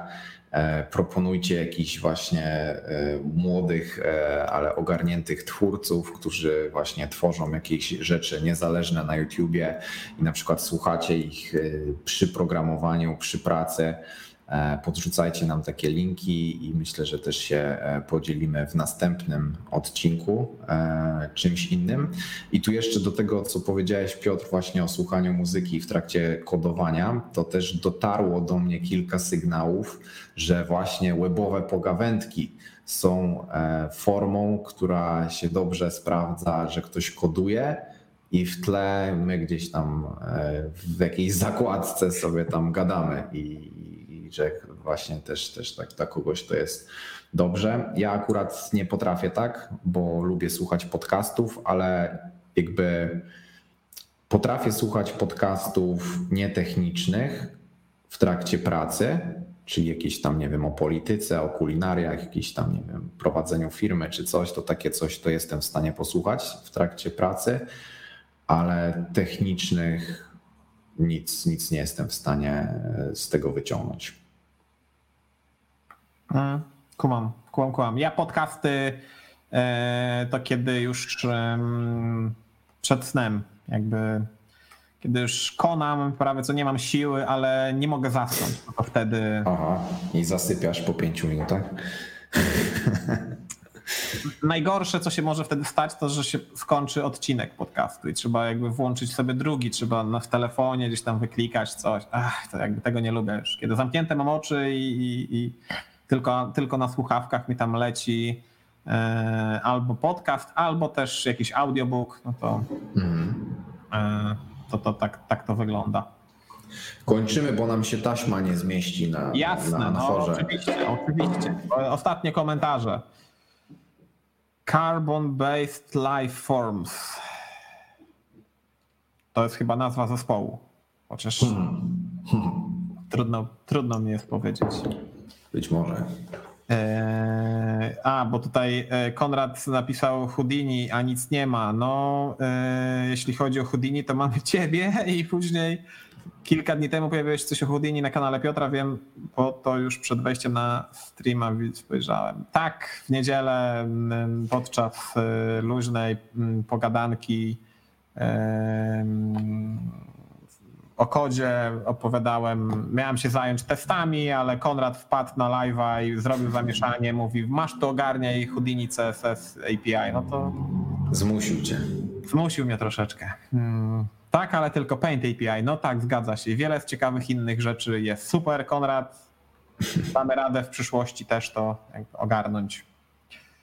E, muzyka z gier. Właśnie, muzyka z gier, muzyka z filmów. To też jest muzyka filmowa bardzo fajnym takim e, gatunkiem Prawda. całym. No. Albo, albo też e, fajnie posłuchać sobie czasami do pracy bitów hip-hopowych bez w ogóle jakby nawiki, czyli instrumentale. Też, Mhm, też, mhm. też u mnie się to sprawdza. To prawda, to prawda. Ja to y, ostatnio słuchałem y, y, albumu Donatana i na początku był y, z wokalem, a później później sam, jakby słyszę dźwięki, ale nikt nie śpiewa. Myślę, co jest grane? I zacząłem sam śpiewać, wiesz. A to był, był kolejny album, który był instrumentalny. No i Tak, tak. E, Shazer, tak. Panowie, bardzo proszę nadrobić braki i o elaborat. E, Dźwięk odkurzacza jest dobry na zaśnięcie. No może, może tak. U mnie się sprawdza, jak czasami e, ten puszczam wieczorem zmywarka, że tak chodzi se w tle zmywarka i usypia mnie ten odgłos. E, Kamil ma ostatnie pytanie. Może się wyrobię z pytaniem Storybook. Jak często korzysta się z tego narzędzia przy okazji zabawy w Reactem? Nie wiem, jak, jakby słowo zabawa jest zawsze dla mnie bardzo takie trudne, bo kiedyś mi ktoś powiedział, że bawić się to można w piaskownicy, a jakby prototypować, jakby testować środowisko reaktowe, no to spoko. Bo zabawa jest czymś takim olewnym takim słowem. No i, ech, ja to nie lubię po prostu, nie lubię. Zabawy A. Storybook, no to wiesz co ci powiem, że u mnie tutaj w projekcie jeden chłopak bardzo cisnął tego Storybooka i tak naprawdę nie wiem, wydaje mi się, że, że może faktycznie jak masz duży zespół, dużo jakichś własnych komponentów i może jeszcze te komponenty dodatkowo używasz w różnych projektach wewnątrz swojego zespołu czy firmy, to wydaje mi się, że Storybook wtedy jest fajny. Natomiast e, u mnie w projekcie mam wrażenie, że on jest trochę wciśnięty, bo, bo ktoś tam naciskał na to i, i wprowadził tego Storybooka i on nawet nie jest nigdzie wdrożony. Miał być wdrożony już dawno na, na jakiś serwer, żeby, każdy, żeby tam się przybudowywał i każdy mógł sobie tam wejść. A ja ani razu tam jeszcze nie wlazłem, więc jakby rozumiem ideę tego story, storybooka, rozumiem, że właśnie w dużych zespołach, w dużych firmach e, może to być fajna, fajna rzecz, ale ja póki co nie, nie miałem takiego case'a, żebym skorzystał z tego i był jakoś mega zadowolony. To ja y, jakby trochę przeciwnie, bo, bo używamy Storybooka e, w- naszym projekcie i jakby poznałem dopiero go w tym projekcie i sobie nie wyobrażam, jak można nie używać Storybooka, kiedy ma się e, aplikację, która jest pewnego rodzaju e, panelem administracyjnym i bo, bo, bo w Mm, I ciągle używasz kontrolki Tak. w różnych kontekstach, w różnych Tak. rolach. No właśnie, i to jest właśnie chyba to, że, że jak robisz to, to, to wtedy jakby to błyszczy, to rozwiązanie. Nie? Znaczy to też jest tak, że chodzi po prostu o re, reużywalność komponentów. Jeśli masz komponent, który jest reużywany i ma jakieś e, opcje, to bardzo fajnie jest pokazać w storybooku te opcje. Jak, jak one jak one Działają. na komponent. Nie? I jeśli chodzi też o open source, to tutaj Storybook jest bardzo fajny, kiedy ma się projekty open source'owe w formie bibliotek, żeby ja na przykład mam e, pewną bibliotekę, która jest tabelką i już sobie stworzyłem zadanie, żeby w tym projekcie dorzucić Storybooka, żeby pokazać różne opcje tej tabelki, bo ona ma tam konfigurację, ma, ma, ma pewną konfigurację, więc że jak ktoś chce użyć tabelki, to może tutaj sobie wybrać jakby sposób jej użycia, nie? sposób jej e, uruchomienia. To jest super, jakby, jakby do, do projektów takich open source'owych też uważam, że to No i też masz taką za darmo tak naprawdę dokumentację, tak? Przecież e, i to taki nawet ala playground slash sandbox, tak? Ze swoimi komponentami, co tak naprawdę kiedyś no to tylko duże firmy, duże projekty robiły takie rzeczy, a teraz e, jeżeli jakby podążasz tymi wytycznymi, e, które ci daje Storybook, narzuca, no to możesz mieć później fajną dokumentację swoich, swoich komponentów. Tak, tak. I dla, dla przypomnienia, Storybook nie, nie jest tylko do komponentów reaktowych.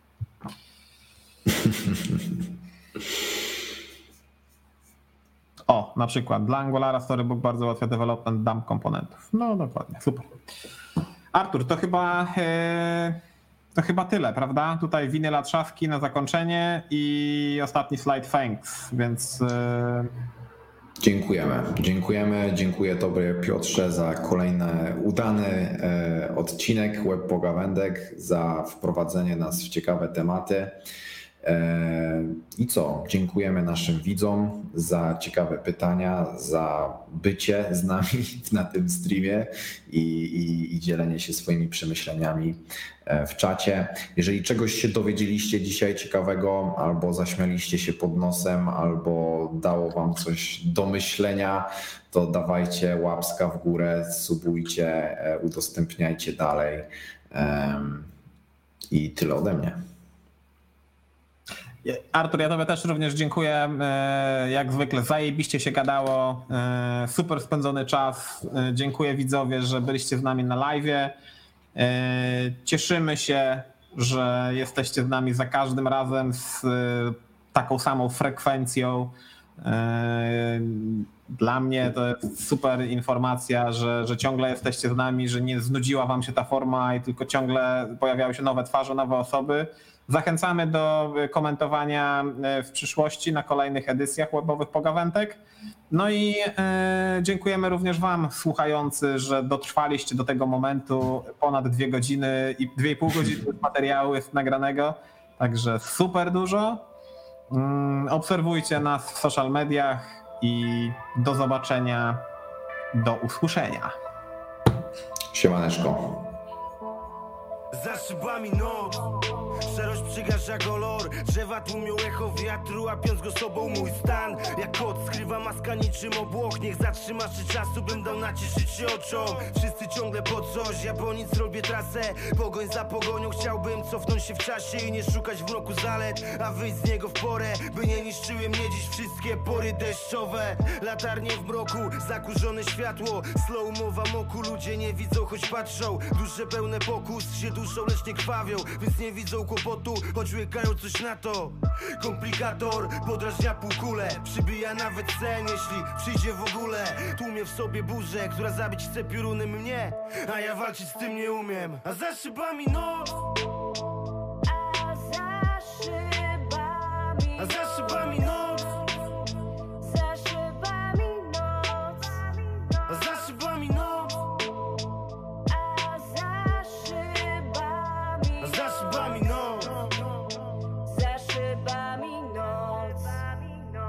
Zawsze ukrywam się w dźwiękach, kiedy siły tracę. Parę lat temu bania wysłała na materace. Broń przy pasie zatem, serce ściskam strach. Unikam ognia zawsze, choć tym ogniem jestem ja sam. Choroba gasi światło, gubisz sens i spokój. Nocami robisz patrol, wspomnienia palą w środku. Teraźniejszość znika na rzecz cichych rozmów W których lęki napierają, aż boisz się wyjść z domu Znam to dobrze, tak wielu nas jest. Za hasło nie wkręcaj sobie. Ukręcałbym łeb, gówno wiedzą O czytanie to nie wiedza, nie emocja. Czasem psychoterapia to jedyna opcja. Jak czujesz, że tak trzeba Nie patrz na ludzi wokół, tylko ratuj swoje życie Bo jest szansa znaleźć spokój. Jesteśmy inni i sam nie wiem czy to atut Być jak cień wiatru. A za szybami noc. A za szybami A za szybami